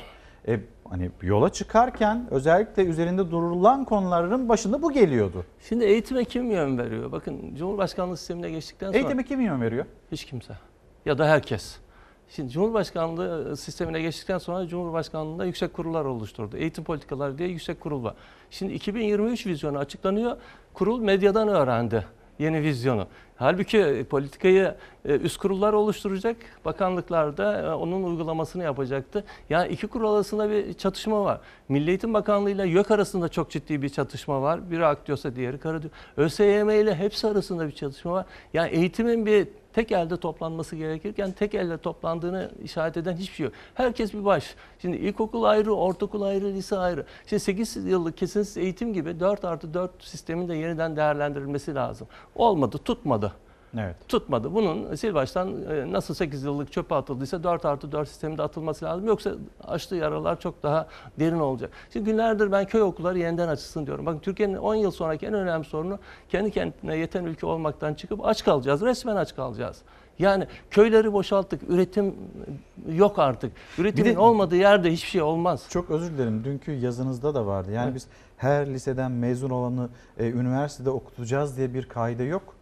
Dünyanın hiçbir yerinde böyle bir şey yok. Burada da bir hata var diyorsunuz. Tabii gidin bakın yani bir Almanya'da %65 e, mesleki eğitime gider, %35 e, genel eğitime, akademik eğitime gider. Genelde bu böyledir. Türk eğitim sistemi de Milli Eğitim Bakanlığı en az 60 yıldır bunu söylüyor. Mesleki eğitimin oranını %65'e çıkaracağız, genel eğitimin oranını şimdi tam tersi. %65 genel eğitimde, %35 meslek. Ama bugünkü haliyle mesleki eğitime geçiş yapılsa o da hiçbir işe yaramayacak. Çünkü mesleki eğitim 40 yıl, 50 yıl, 60 yıl öncede kaldı. Dünya tamamen farklı noktalara geçti ve 20 yıl sonra bugün olan mesleklerin %70'inin sona ereceği söyleniyor. Evet. Tamam, dijital bir çağa giriyor Evet. ve ona yönelik hiçbir çalışma yok. Bak Türkiye bir turizm ülkesi 80 milyon turist gelecek diye beklenti içerisindeyiz. Turizm lisesi en az lise. Yani biz eğer turizm ki Türkiye'yi kurtaracak alanlardan birisi de turizm. Biz gidip çok büyük sanayi kuruluşları yapamayız. Çok büyük e, farklı alanlarda bilişim çağını yakalayamayız. Ama turizmde yakalayabilir. Ve onun için turizme yetişmiş insan gücünün sağlanması lazım. Ciddi bir şekilde yok. Niye yok? Çünkü insan gücü planlaması yok. İnsan gücü planlamasında aç kalacağız dediniz. Onu da Aç biraz kalacak. açar mısınız? Şimdi burada köy okullarını kapattık. Bir 8 yıllık kesintisiz eğitim derken 20 bin köy okulunu sanki Cumhuriyeti kuranların, Cumhuriyet'in ilk yıl 50, 60, 70, 90 yılında çalışanların köy okullarını neden açık tutması gerektiğini bilmiyordum. En ucra köşeye kadar Cumhuriyet 90 yıl uğraştı, köy okulları açtı. Neden? Orada öğretmen gitsin, bir aydınlık satsın, üretimi çoğalsın, köylerde yaşam devam etsin diye. Çünkü köyler e, Anadolu Türkiye'yi besliyordu. Şimdi biz bu okulları kapattıktan sonra köylerde yaşam bitme noktasına geldi. Ve köylerde kimse yaşamıyor, köylerde üretim bitti. Türkiye'deki sosyal yapıyı en önemli destekleyen kaynaklardan birisi asgari ücret alıyor, nasıl geçiniyor diyordu. Herkese köyden bir gelir geliyordu. Bir şey geliyordu, erzak geliyordu. Ee, yazın Bir dayanışma dayanışma yani. vardı. Köyden Annesi kente babası bir dayanışma halinde gönderirlerdi. Onlar bir şekilde e, o asgari ücretle şehirde yaşamaya çalışan çocuklarını, torunlarını e, desteklerler. Şimdi köyden gelmedi. Tam tersine büyük şehirlerden köylere gönderilmeye başladı. Onun da ötesinde üretim yok. Şimdi çarşıya pazara köylere gittiğiniz zaman, ilçelere gittiğiniz zaman orada üretilen ürün yok. Türk eğitim sisteminin sil baştan yeniden ele alıp üreten insan yetiştirmesi gerekir. Dünya bize şu rolü verdi. 80 milyonluk Türkiye siz bol bol tüketin. Satın, sarmalayın, her borçlanın ve tüketin. İşte öyle de bir Ha, yere gidilmiyor. Öyle bir şey gidemiyor tabii. Yani Şimdi dur bütün demek lazım. meselenin özü ne? Bütün meselenin özü aslında eğitim. Eğitim sistemini bir kez böyle rayına Değiştirdiğiniz zaman her ama şey. yani eğitim, en çok bakanın değiştiği e, yer Bakan orası. peki eğitim sistemi ne yapar? İyi yurttaş yetiştirir. Türk eğitim sistemi iyi yurttaş yetiştirebiliyor mu? Ki en önemli amaçlarından birisi hayır. Ülkesini sevmeyen, arkadaşını sevmeyen insanlar yetişiyor. Niye? İkimiz sınava giriyorsa sen başarısız olursan ben başarılı olmam gerekiyor. Onun için ben senin başarılı olmanı asla istemiyorum. Sen başarısız ol, ayağına tökezlensin ki ben başarılı olayım, ben sınav kazanayım, ben okuyayım. Böyle bir sistem olmaz. İnsanları, e, kardeşi bile birbirine düşüren bir sistem. E, ülkesini tanıyan, e, ülkesiyle gurur duyan insan yetiştirmesi gerekiyor. Tarih, coğrafya derslerini kaldırırsan nasıl ülkesini seven insan yetişecek? Mümkün değil. Şimdi köylülük bitti diyoruz. Köylülük demek tarih demek, coğrafya demek, üretim demek. Üretimin yeniden gelmesi lazım. Bunu da uzaklarda aramamamız lazım. Ben dün CHP'ninki de görüyorum. Hala Finlandiya eğitim sistemi diyor. Finlandiya eğitim sistemi dediğiniz şey köy enstitülerinin bir modeli. Köy enstitülerinin daha e, basit ve sıradan hali. Bizim ülkemizde öğretmen yetiştirme diyoruz. Öğretmen okulları vardı. Gerçekten çok çok iyi öğretmen okulları. Yani gidip dünyaya bakma yerine kendi tarihimize dönüp kendi Cumhuriyet'in ilk yıllarındaki fabrika ayarlarına dönsek bugün eğitim e, bugünkünden 100 kat daha iyi olur ve üreten, tasarruf eden bir ülke olur. Bizde hatırlarsınız yerli malı, yurdum malı, herkes onu kullanmalı derken dalga geçenler oldu. Şimdi yerli malı bulamıyorsunuz ya da haftalara bakıyorsunuz dışarıdan ithal.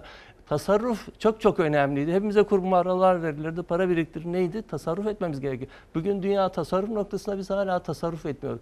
İnsana insan gibi e, değer kazandırmak lazım. İnsani değerler eğer kazandırmış olsaydık biz estetik değerleri bu beton yığınları olur muydu? Evet. Tarım alanlarını eğer ciddiye almış olsaydık, tarım dersleri hala devam ediyor olsaydı o tarım arazileri beton yığınına dönüşebilir miydi? Bunlar olmadı ve tartışmalar işte e, hep farklı boyutlara gidiyor. Farklı boyutlarda. Gidiyor. Kısır tartışmalar şeklinde kaldı. Gençlerimiz neden evlenmiyor ya da 30'undan sonra evleniyor? Belki bunu da soracağım ama önce En önemlisi beyin, bu. beyin göçünü konuşmamız Ya gerekiyor. Gençlerimizi bakın. neden kaybediyoruz? Bununla ilgili siyasetten bir ses, e, Saadet Partisi lideri Temel Karamollaoğlu'nun bir açıklaması var. Bir verelim, bir paylaşalım, izleyicilerimize aktaralım, öyle devam edelim. Bizim çok ciddi manada araştırma ve geliştirmeye, ARGE diye kısıtlıyorlar. İhtiyacımız var. Kim yapacak bu ARGE'yi? Düşünenler, kafası olanlar. Peki Türkiye'de biz düşünen, fikir üreten insanları bu ülkede fikir üretebilmeleri için bir zemin hazırladık mı? Nerede ya? Herkes kaçıyor. Liselere gidiyorsunuz son sınıfındaki başarılı öğrencilerin tamamı yurt dışında okumak istiyor. Yurt dışına giden öğrenciler orada kalıp orada doktora yapmak, orada çalışmak istiyor. Beyinler gidiyor. Bu arkadaşlar da beyin istemiyorlar. Düşünmeyeceksin. Fikir üretmeyeceksin. Hele de karşıma hiç çıkmayacaksın. Böyle bir ülke kalkınamaz. Böyle bir ülke gelişemez. siyasetten verilen mesajlardan birisi bu. İşte CHP'nin bir çalıştığı var. E, Milli Eğitim e, Bakanlığı'na baktığımızda yapılan açıklamalar her şey yolunda gidiyor denilmekte. Mesela işte tasarım beceri atölyeleri, öğretmenler için mesleki gelişim, işte sözleşmeleri, anlaşmaları e, bir takım markalarla, büyük büyük markalarla bunları da konuşacağız ama gençler, işsizlik, beyin göçü, sonra siyasetin hani bunları dışlayıp ya gençlerimiz evlenmiyor. Gençlerimiz 30'undan sonra evleniyor ya da işte ne bileyim aile kurumu yapısı da çöküyor gibi değerlendirmeler. Şimdi bakın işsizlik sıralamasının en tepesinde üniversite mezunları var. Şu anda her e, iki işsizden birisi üniversite mezunu. Biz yıllarca çocuklarımıza çocukluğunu, gençliğini yaşatmıyoruz. Hadi sınavları kazanın, e, Anadolu Sesi kazanın, üniversiteyi kazanın, bitirin diyoruz ve ödülü işsizlik oluyor. Bugün üniversite mezunları iş bulamıyorsa üniversite olan talep azalacaktır. Geçen sene 2,5 milyon girdi. Bu sene daha da artabilir ama geçen sene 100 binden fazla kontenjan da boş kaldı. İnsanlar belli fakültelere girmiyor. Şimdi devletin şunu yapması lazım. En basit bir şey. Gitmiş Anadolu'ya fakülte açmış. Tek kayıt dahi yok. O fakülteyi hala ben niye orada açık tutuyorum? Onu açana da, ona izin verene de, onu hala ayakta tutana da bir sorgulamak lazım. Devletin kaynakları bu da bu kadar heba edilir mi? Keyfi olarak iki tane milletvekili gidiyor. Hadi bizim ilimize bir üniversite açalım. Hadi iki tane daha E, fakülte. açılıyor ne oluyor? Hiçbir şey olmuyor. İşte e, eskiden bu talep vardı. İnsanlar diploması olursa bir şey e, bir işe yarar diyordu. İşe girmeme yarar. Şimdi hiçbir işe yaramıyor. Yani şu Bak- mu oldu? bakın- Biz işsizliğin niteliğini mi arttırdık? Ha, işsiz niteliği arttı tabii. Şimdi bakın biraz önce Temel Bey'inkiyle de ilişkili e, paralı askerlik çıktıktan sonra master ve doktoraya olan ilgi dibe vurmuş adeta. Milli Savunma Bakanı açıkladı. Niye? Çünkü ilime bilime ilgi var diye açıklıyorlardı. İlime bilgile, bilime ilgi askere gitmemek içinmiş ya da askerlik süresini uzatmak içinmiş. Şimdi yurt dışına kaçıyor insanlar. Neden kaçıyor? Bunu bir sorgulamak lazım. Bu kaçısı... Eskiden üniversite seviyesindeyken gençler gidiyordu. Şimdi lise e, yıllarında, lise çağında başladı o gidişler. Dahası meslekleri olan çok donanımlı insanlarımız da gidiyor. 25, 30, 35 yaşlarında karı koca üniversiteyi bitirmiş kendi alanlarında çok donanımlı olduğu zaman pek çok ülke onlara oturma izni Hocam veriyor. Hollanda'da e, Türk mühendislerin oluşturduğu bir mahalle var. Tabii tabii. Yani Ankara'dan benim hani Danimarka'da çok, çok çok yakından fazla. tanıdığım e, pek çok kişi Hollanda'dalar şu anda. Orada çalışıyorlar. Bir savunma sanayi şirketinde. Şimdi bakın bir yandan e, işte gelin gelin diyoruz. Benim tanıdığım çok öğrenci var. Gelen yurt dışında okuyup çok çok iyi üniversitede okuyup çok donanımlı olan geldikleri zaman burada hak ettikleri değeri görmüyorlar.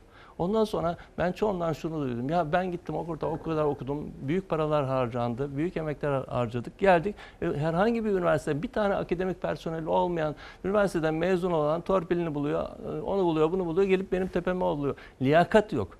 Bu ülkede liyakatın e, olmadığı alanlardan birisi de ilim ve bilim. Bugün e, üniversiteleri konuşuyoruz. İlim, bilim diyoruz. Üniversite rektörlerine bakın 200'ün üzerinde rektör var. Bu çok konuşuldu. İki, iki yani rektörlerin çalışması yok. Uluslararası böyle yani onların çalışmalarından e, atıfta bulunan kimse yok. İki tane yabancı dil bilmesi gerekir profesör oluncaya kadar. Hepsi de profesör. Ben iddia ediyorum yarısı tek dili dahi bilmiyor. Pek çoğunun uluslararası tek, Tek bir yayını yok. ana, ana dil? Ana dilinin dışında bir yabancı dil olarak. Ha, e, e, uluslararası tek yayını yok. Atanırken siz eğer tepedekine e, doğru düzgün atarsanız aşağısı da ona göre e, şekillenir. Şimdi rektörlerin yabancı dili yoksa, uluslararası yayını yoksa nasıl aşağıdakilerden hadi siz dili öğrenin, hadi siz gidin uluslararası yayın yapın diyecekler. Gerek yokmuş ki Ha, sizin var mı diyeceğe sorulmaması için kendilerine o sorusu olacağı için aman boş verelim gitsin şeklinde oluyor. Bilimsel çıtayı e, yükseltmeden hiçbir şey yapamam. Bugün Amerika'yı Amerika yapan nedir? Amerika'yı dünyanın en güçlü ül- ülkesi kılan e, dolarının e, e, yüksekliği ya da askeri gücü değil. Amerika'yı Amerika e, güçlü yapan e, dünyanın en iyi 10 üniversitesinden 8'inin orada olması, 100 üniversiteden 60'ının 65'inin orada olması, ARGE'ye e, en fazla kaynak ayıran ülkelerden biri olması. Geçenlerde yazıldı çok komik. Bir üniversitenin bir yılda ARGE'ye harcadığı para rektörün bir aylık maaşından daha azmış. Şimdi böyle bir şey olabilir mi? Şimdi rektörlere gidiyorsunuz 4-5 tane saltanat gibi arabaları var değişik değişik. Makam adamı odaları e, emin olun eski başbakanlık binasından daha lükstü. Harcamalara gelince her şey var ama... Neyi kıymetli gördüğünüzle alakalı işte bunlar. E tamam ben geçen gün 3-4 tweet attım. Yani bir 24 saatte 1 milyon kişi görüntüler. Siz hiç aç yattınız mı? Öğrencileri aç yatırmayın diye. Öğrencilerin İstanbul Üniversitesi çıktı 3,5 liralık yemeği, ikinci öğün akşam yemeğini 18 liraya mı ne çıkarttı? Yani bu öğrenci bunu nasıl ödeyecek diyemedi. Sonra tepkiler olunca ve bir öğrenci intihar edince de geri almak zorunda kaldılar. Yani bunun böyle olacağı belliydi. 18-20 liraya yemek veremezsin. Öğrenci 500 lira burs alıyor ve çoğu onunla geçiniyor. Onun da 350 lirası yurda gidiyor. İstanbul gibi yerlerde ulaşıma gidiyor. O zaman şu cebine bak. gerçeği görmüyor. Yani e, o makama sahip olanlar, makam aracına ya da koltuklara sahip olanlar. Yani o öğrencinin anne babası da zor geçiniyor. Zor geçiniyor tabii E, yani. O çocuğa e, çok güçlükle paraları gönderebiliyor. Ve biliyor belki de yani bu üniversiteyi bitirecek benim evladım. Evet. Sonra işsiz kalabilir. Devletten bir e, burs alınıyor ama o burs nasıl ödenecek onun kaygısını yaşıyor. 4 yıllık 5 yıllık bir ötelemeyle e, aslında insanlar e, çocuklarını evlatlarını okutmaya çalışıyorlar. Evet. Şimdi devlet okullarında böyle bir tablo var ya da üniversitelerde. Bir de insanlar yani dişinden tırnağından artırıp özel okula göndermeye çalışıyor hocam. Yani e, belki özel okula gönderecek bir e, şeyi yok, bütçesi yok ama evladını yine özel okulda okusun diye uğraşan, çırpınan aileler var. Çok fazla var. Bizde güvenlik görevlisi geldi. E, aldığı para asgari ücretle bu yılın başında ille de ben açık şeye özel okula gönderdim. Ya aldığın para ne? Bütün maaşını oraya yatırsan e, mahallede başka okul yok. Çocuk da "O- ben o okullara gitmem dedi. O zaman evde kalacak ve eğitim hayatı sona erecekti. Ne yapacağız? Edeceğiz. Evimizi satacağız. E, çocuğu e, okutacağız dediler. Ve bugün e, bu durumda olan çok fazla aile var. Ben zaman zaman yazıyorum. Milli Eğitim Bakanlığı mı Özel Okullar Bakanlığı mı? Sanki özel okullara öğrencileri yönlendirmek için elimizden geleni yapıyoruz. Bir anda 70-80 kişiye varan sınıflar, öte yanda e, işte bomboş okullar var Türkiye'de. Çelişkiler orada. Evet. Açılmış ama hiçbir öğrencisi yok. Bu üniversitede de var, lise düzeyinde de var. Bu kaynakların çok daha iyi değerlendirilmesi lazım. İşte planlama yapmıyor. Planlamanın olmadığı yer. Oysa, oysa aklın, bilimin en en fazla olması gereken yer Milli Eğitim Bakanlığı, YÖK ve ÖSYM olması lazım. Yüz binlerce boş kontenjan kalıyor her yerde. Hiç kimse buna niye demiyor. Bu paralar niye sokağa atılıyor demiyor. Şimdi biraz önce işte tasarım atölyeler dediniz. Ankara'da oturunca sanıyorlar ki Türkiye'nin her yeri Ankara Çankaya'daki okullar gibi. Her, her türlü donanımı var, parası var, ortamı var. Yok Anadolu'da tek e, sınıfta 3-4 tane öğrenci, 3-4 sınıf bir arada yapan, eğitim yapan hala okullar var. İstanbul'da merdiven altlarına varıncaya kadar öğretmen okullar, okul öğretmen odalarına varıncaya kadar sınıf yapılan yerler varken siz tasarım atölyesini ne yapacaksınız? Artı tasarım atölyesi kurdunuz. Ee, Yani tasarım atölyesi önemli ama Kurdunuz. şimdinin Ha, meselesi kurd- mi? Hayır kurdunuz. Hayır kurdunuz kim? ver- Bunlar vardı zaten. Bu tasarım atölyelerini öğretmen yetiştiren kurumları Milli Eğitim Bakanlığı kendisi kapattı. YÖK kapattı. Bu ders e, açtığınız zaman bu atölyeleri hatırlayın. Bizim zamanımızda iş ve teknik dersleri vardı. Atölyeler vardı. Tarım dersi vardı. Hep bunlar vardı zaten. Milli Eğitim Bakanlığı ne eskiden ne kaldırdıysa şimdi yeniden getirmeye çalışıyor. O zaman niye kaldırdınız? Şimdi niye getiriyorsunuz? Şimdi Anadolu liseleri vardı. Anadolu liselerinin Anadolu Lisesi yapan neydi? Yabancı dillerini e, bazı derslerini yabancı dille yapmasıydı. Sınıf mevcutları 32 aşmıyordu. Öğretmenler de seçilmiş olarak geliyor. Biz önce yabancı dili kaldırdık Anadolu liselerinde. Velilerin daha pek çoğunun haberi yok. Kırılma nerede başladı? Kırılma 8 yıllık kesintisiz eğitimle e, e, la başladı. Arkasından 4-4 ile başladı. Arkasından e, hiç eğitimle uzaktan yakından alakası olmayan bakanlar getirilmesiyle başladı. Bir gün bir bakan geldi Milli Eğitim Bakanı'na avukat kökenli. Dedim ki ya Sayın Bakan ne alaka? Olur mu dedi benim liseye giden çocuğum var dedi. Çok yakından takip ediyorum. Tabii canım o zaman. yani bir çocuğunuzun okula Kendisi gidiyor olma. bakan olmayacak kim olacak? Ha, şimdi okula giden bir çocuğunuzun İki olma- olsa? İki olsa İki o zaman olsa? artık e, e, gelmiş geçmiş en iyi bakan olurdu herhalde. Şimdi onun da ötesi bütün bunlar oldu oldu geldi nereye gidiyoruz belli değil. Bir insan gücü planlamasının doğru düzgün yapılıyor olması lazım. Yapılırsa çok büyük sorun değil. Türkiye'nin en önemli sorunu 20 milyona yakın öğrencimiz var. Bu ciddi bir rakam. Bu Almanya'da, Fransa'da, İtalya'da olsa oralarda da sorun yaratabilir ama biz bunu madem ki doğumu daha da artırmak istiyoruz, madem ki bu noktalarda tutmak istiyoruz, o zaman onlara daha iyi bir gelecek sağlamak için elimizden geleni yapmamız lazım. Daha iyi gelecek sağlanmayan bir çocuk sadece aile için değil, ülke için de çok çok önemli bir baş ağrısıdır. Ülkenin eğer geleceğini, ben hala her şeye rağmen çok çok iyimserim diyorum. Biz en azından fiziki altyapıyı sağladık. Siyaset İyimserliğinizin nedeni en azından bu e, sektörün içinde olan eğitim Evet. dünyasını bilen bir ismin burada olmasından mı kaynaklanıyor? Hayır onunla hiç belki de bundan sonra hiç e, eğitim kökenli Milli Eğitim Bakanı at- atanmayacak bundan sonra işte geldi gördük denilecek. Sayın Bakan belki biliyor ama konuların içerisine bir türlü girmedi. Konu mankeni gibi e, sadece tweet atıyor, e, hoş mesajlar veriyor ama eğitimin temel sorunları duruyor. Sayın Cumhurbaşkanı'nın çok iddialı bir söylemi vardı hatırlarsanız. Ben dershaneleri kaldıracağım dedi. Çocuklara çocukluğumuzu e, e, gençlerimize gençliğimizi yaşatmıyor. E, hafta sonları bile dershaneye gidiyorlardı. Gidin bakın karne tatili var. Dershaneler halen devam ediyor. Değişen sadece ismi oldu ve Sayın Cumhurbaşkanı'na da yanıltıyorlar orada. Dershaneleri kapattık diye. Şimdi dershaneleri siz kapatamadıktan sonra bu sınav sistemine son veremedikten sonra bir önceki son başbakanımız dedi ki artık dedi, sınav çocuklarımız sınava gerek kalmayacak dedi. Sınav sistemini değiştiriyoruz dedi. E, Geçen sene 1 milyon kişi girdi liselere. Hani sınavlar kalkmıştı. Hani İsmini değiştiriyoruz. Ha, hani liselere herkes en yakın okula girecekti. Yeni bir kanun çıkarttılar. İkamete dayalı kayıt sistemi diye. Son 4-5 yıldır herkes evine en yakın okula gidiyor. Gidin bakalım bütün mahalledeki okulların önünde servis araçları kuyruk oluyor. Herkes mahallesindeki okula gidiyorsa o servis araçların neyin nesi? Buna bir bakılması lazım. Yani burada öğretmenlerin daha çok dinleniyor olması lazım. Öğretmenler dinlense zaten pek çok sorun kendiliğinden çözülecektir. Şimdi burada devlete bir de şu hatadan kurtulmak lazım. Devletin sırtında herkes bir şeyler yaptırıyor, yaptırıyor. Ondan sonra sorumluluğu kimse kapan e, üzerine almıyor. Bu kadar boş kontenjan niye kalıyorsa bunun hesabının birinin verilmesi lazım. Niye iyimserim? Fiziki altyapı gerçekten tamamlandı. Cumhuriyet'in ilk yıllarından bugüne kadar e, gelen tüm iktidarlar eğitim konusunda hepsi çok samimilerdi. Bir kere onu şey yapalım. E, ve altyapıyı tamamladılar. Şu anda Türkiye'nin e, fiziki altyapısı çok önemli bir şekilde e, tamamlandı. Şimdi yapılması Şu an- gereken? yani son yıllarda çok büyük okullar, üniversiteler açıldı. İşte bunların içerisini dolduracak olan siyasetçiler değil, eğitimciler. Siyaset üzerine düşeni yaptı, okulları açtı. E, Şimdi eğitimcilerin, YÖK'ün, ÖSYM'nin, Milli Eğitim Bakanlığı'nın kendine gelip siyasetin güdümünden çıkıp bu okulları biz eğitim adına nasıl daha iyi hale getiririz, dünya standartlarına nasıl ulaştırabiliriz diye e, çaba göstermesi gerekiyor. Yoksa e, Türkiye eğitim açısından bir mesafe kaydetmeden hiçbir konuda yol alamaz. Ee, teşekkür ederiz. Çok sağ olun. Eğitim dünyasının önemli kişilerinden, yazarlarından birisi Abbas Güçlü ile bir eğitime biz de farklı bir açıdan bakalım. Bir de Milli Eğitim Bakanlığı'nın karnesine bakalım istedik. Çok sağ olun. Teşekkürler. Şimdi bir mola vereceğiz. Döndüğümüzde aktaracağımız daha çok haber var. Efendim bir kez daha günaydın. Devam ediyoruz. Hızlı hızlı daha çok haberimiz var. Onları da aktarmak istiyoruz sizlere. Bir dışarıyı göstereyim. İstanbul'da yeni günün nasıl başladığını hemen sizlerle paylaşalım. Ee, sabahın erken saatlerinde zifiri bir karanlık vardı. Şimdi bulutlu bir gün, yağmurlu bir gün bekliyor İstanbul'u. Ee, hava sıcaklığında 5-6 derece dolaylarında olacağı söylenmekte uzmanlar tarafından. Bir memleket havası diyelim. Hem Türkiye'nin hem de dünyanın dikkatle takip ettiği konuları aktaralım. Doğuda soğuk ve kar yağışı devam ederken batı bölgeleri beklenen yağışların etkisi altına girmedi. Yarı yıl tatilinin başlamasıyla tatilciler de kayak merkezlerine akın etti. Uludağ'a çıkmak isteyen vatandaşlar teleferik ve karayolunda uzun kuyruklar oluşturdu.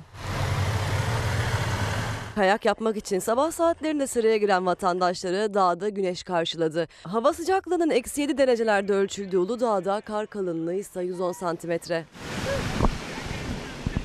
Elazığ Hazar Baba Kayak Merkezi'nde ise festival vardı. Elazığlılar başta olmak üzere çevre illerden merkez akın eden tatilciler karın tadını çıkardı. Sivas'ta ise vatandaşlar buza dönen gölette yürüyüş keyfi yaşadı. Hava sıcaklığının sıfırın altında 10 dereceye düşmesiyle Yıldız Göleti buz tuttu. Yıldız Şelalesi de soğuğun etkisiyle kısmen buz tuttu. Buz sarkıklarıyla kaplanan şelalede kartpostallık görüntüler ortaya çıktı.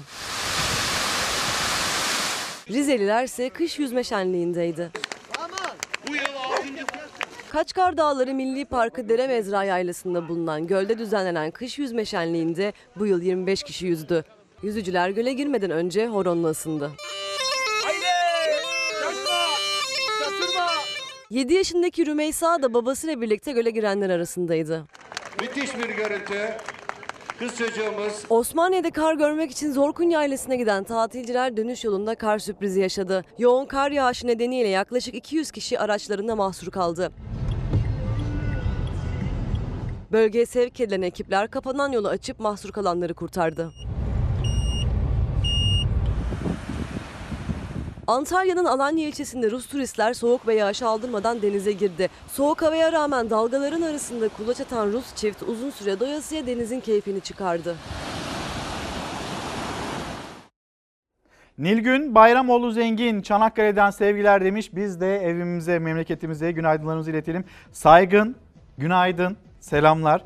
Ee, İsmail Küçükkaya niye yok? Önümüzdeki hafta pazartesiden itibaren burada olacak. O da sömestr e, tatil nedeniyle biraz dinlenmek e, istedi. Burcu Saman çok teşekkürler, çok naziksiniz. Şimdi bir Korkusuz Gazetesi'nde haber var. Sonra geri döneceğiz Korkusuz Gazetesi'ne ama paylaşalım.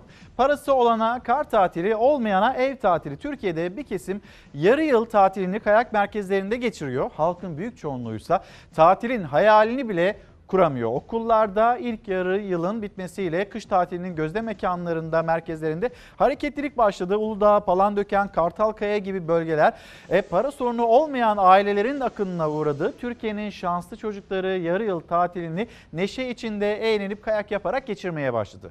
Bir kesim kış tatilinin keyfini sürerken büyük çoğunluksa adeta ev hapsinde geçim derdiyle beli bükülen aileler tatilin adını bile anamıyor. Milyonlarca çocuk yarı yıl tatilini evde geçirirken yıldızlı karnelere hak ettiği hediyeler verilemiyor. Korkusuz gazetesinde verilen haber, paylaşılan haber bu şekilde. Şimdi Türkiye'nin bugün çokça konuşacağı, e, siyasetin de çokça konuşacağı bir konu.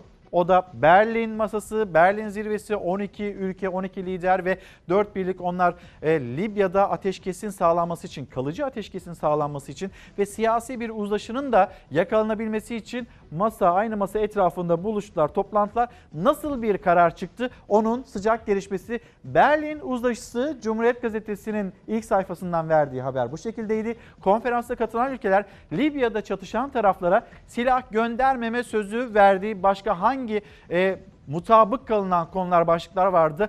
Angela Merkel, Almanya Başbakanı açıkladı.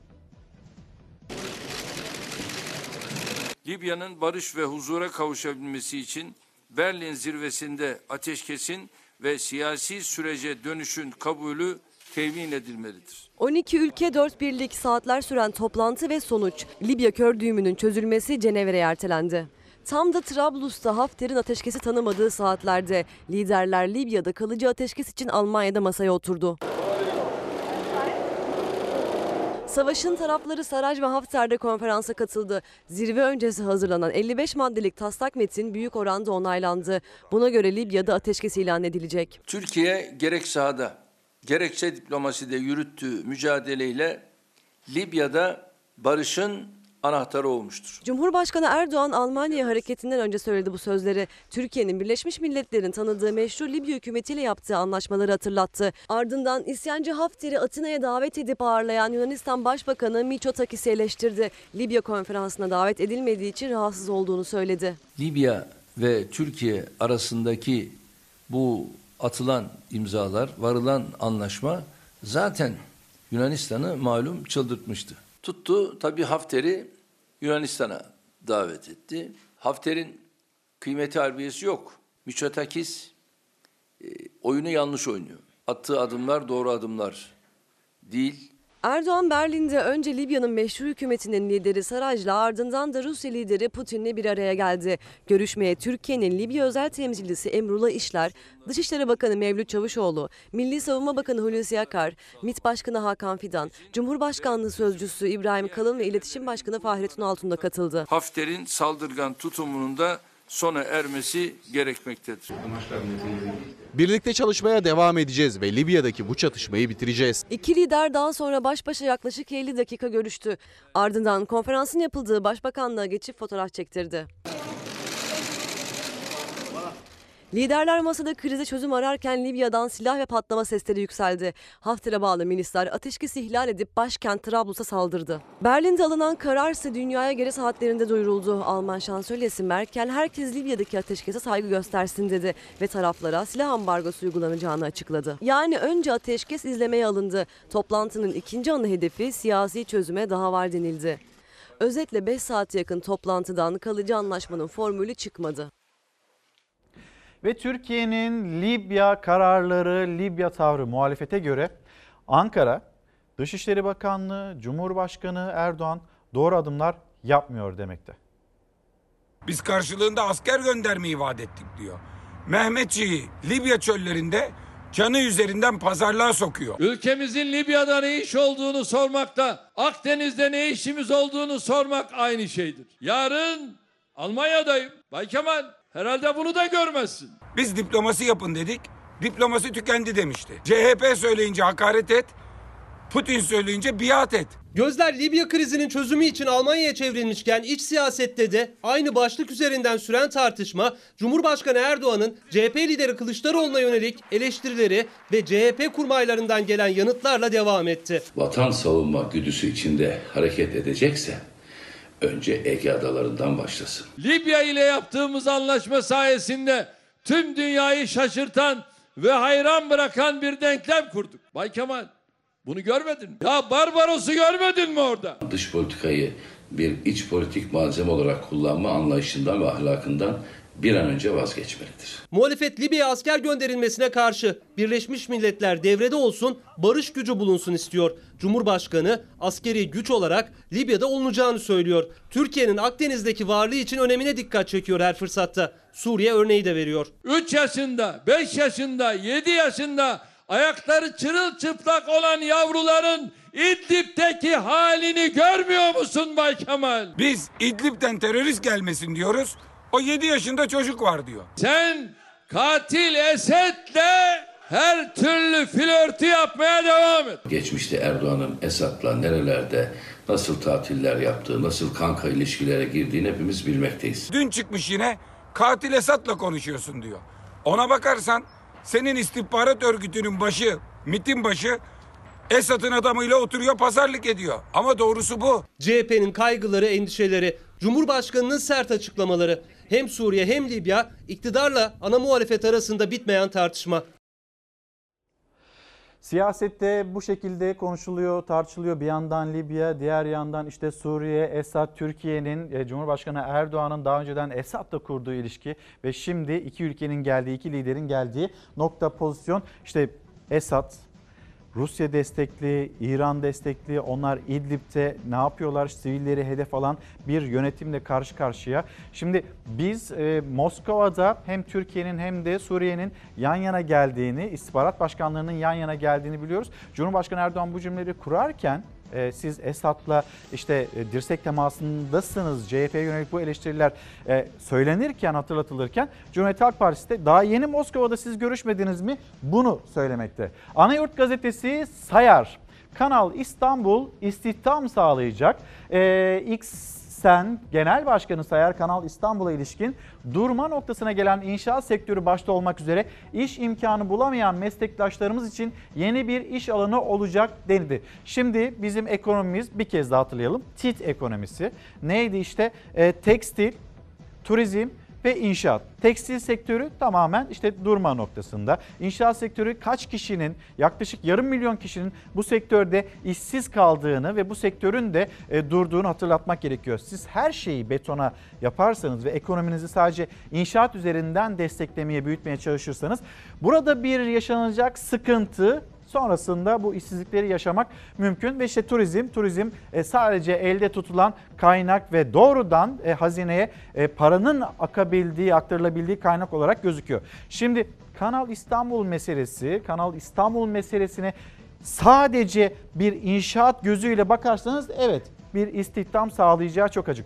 Ama bunun işte çevresel faktörleri yani ne bileyim e, siyasi anlamda, askeri anlamda, uluslararası sözleşmeler anlamında sonuçlarının ne olacağını da değerlendirmek gerekiyor gibi bir cümleye evrildiğinde tartışma çok sertleşiyor. Ve herkes pozitif yönden bakmaya çalışıyor. İşte inşaatla ilgili bir sektör, bir sendika eğer diyor Kanal İstanbul olursa bir sürü ev yapılacak. Bir sürü ev yapılınca da işte istihdam problemi ortadan kalkacak. İnsanlar bu şekilde ikna edilmeye çalışılıyor ama on binlerce kişinin yine Çevre Bakanlığı'nın il müdürlüğüne gittiğini ve Kanal İstanbul'a itiraz ettiklerini, neden itiraz ettiklerini de biz burada gördük, aktardık, elimizden geldiğince de e, anlatmaya çalıştık. Kanal İstanbul meselesiyle ilgili bilim konuşsun, siyasetçiler değil, bilim konuşsun. E, bu kanal gerçekten ihtiyaç duyulan bir şey mi? Biz 100 milyar liramızı buraya mı aktarmalıyız yoksa üretim anlamında inşaatın da dışında başka bir şey bunu konuşabilir miyiz? Bunu düşünebilir miyiz? Bunu dillendirmemiz gerekiyor. Devam edelim. Anayurt gazetesi işte o ne güzel e, inşaat sektörü durma noktasına gelmişti. Kanal İstanbul istihdam yaratır demekti. Son Söz gazetesi kiloyla almak hayal oldu. Yani bir tarafta 100 milyar liralık projeyi konuşuyoruz. Diğer tarafta işte bir manşet sebze ve meyve pahalanınca çare taneyle satın almak oldu. Semt pazarları vatandaşların beklentilerini karşılamıyor. Pazarlarda satılan sebze ve meyvelerin fiyatları da adeta market fiyatlarıyla yarışıyor. Bu durum vatandaşın alışveriş yapamadan pazardan elliği boş dönmesine de yol açıyor. İşte bir tarafta 100 milyar dolarlık bir proje, milyar liralık bir proje. Diğer tarafta vatandaşın e, karşı karşıya kaldığı bir tablo. Şimdi İsterseniz bir de vergiler meselesine, vatandaşın üzerindeki vergiler meselesine hep birlikte bir bakalım. Neydi? Özellikle asgari ücretler zaten işte son yapılan düzenlemeyle 2324 lira asgari ücret ya bari insanlar geçinemiyor şundan bari vergi alınmasın e, denildi ama bu yönde de bir adım atılmadı. Dönüp baktığımızda vergi gelirlerinde ciddi düşler var. Özellikle KDV'de ve ÖTV'de. Neden bu düşüşleri yaşadığımızı haberimizi izleyelim de öyle konuşalım her 100 liralık KDV'nin sadece 40 lirası tahsil edilebilmiş. 60 lirası piyasada kalmış. Yani vatandaş ödemiş ama devlet ödemesi gerekenler ödememiş. Vergi gelirlerindeki hedef tutmadı. Tüketim ve istihdamın azalmasıyla devlet geçen yıl 83.2 milyar liralık vergi kaybına uğradı. E, vergi afları maalesef maliyenin de tahsil kabiliyetini azalttı. Ekonomik durgunlukta ne oldu? KDV gelirleri düştü vergi gelirleri. 2019 bütçesinde vergi geliri 756.4 milyar olarak hedeflendi. Gerçekleşme 673.3 milyar lirada kaldı. En fazla sapma KDV'de yaşandı. Bütçe açığının normalde 123.7 milyar olduğunu görmekteyiz. Ancak 2019 yılına özel olarak ilk defa alınan 40.7 milyarlık yedek akçeyi de koyduğumuzda bedelli askerlik, imar affı ve benzeri gelirleri de kattığımızda 200 milyara yakın bir bütçe açığı ortaya çıkmakta aslında. Vergi uzmanı Ozan Bingöl vergi gelirlerindeki düşüşün nedenlerini sıralarken bütçedeki gerçek açığa dikkat çekerken bir veriyi de paylaştı. Her 100 liralık kurumlar vergisinde 75 lirası. Yani 100 liralık kurumlar vergisinden 75 lira tahsilat yapılmış. Bu da çok önemli bir rakam. İlk defa bu kadar düştü aslında. Kurumlarda da tahsilat %75'lerde kaldı. İşsizlik ve temel ihtiyaç malzemelerine gelen zamlarla KDV, ÖTV'de 30 milyar liranın üzerinde vergi kaybı oluştu. KDV'de 70.6 milyarlık gelir hedefleniyordu. 55.5 milyar tahsilat yapıldı. Kayıp 15.2 milyar. Benzer şekilde ÖTV'de de ciddi erime yaşandı. 162 milyar lira gelir beklenirken 147 milyar liraya ancak ulaşılabildi. Kayıp 15.4 milyar. 2019 yılı vergi gelirlerine baktığımızda yaklaşık 800 bine yakın kurum sadece bir yılda art, ödediği vergi 200 milyon artmış.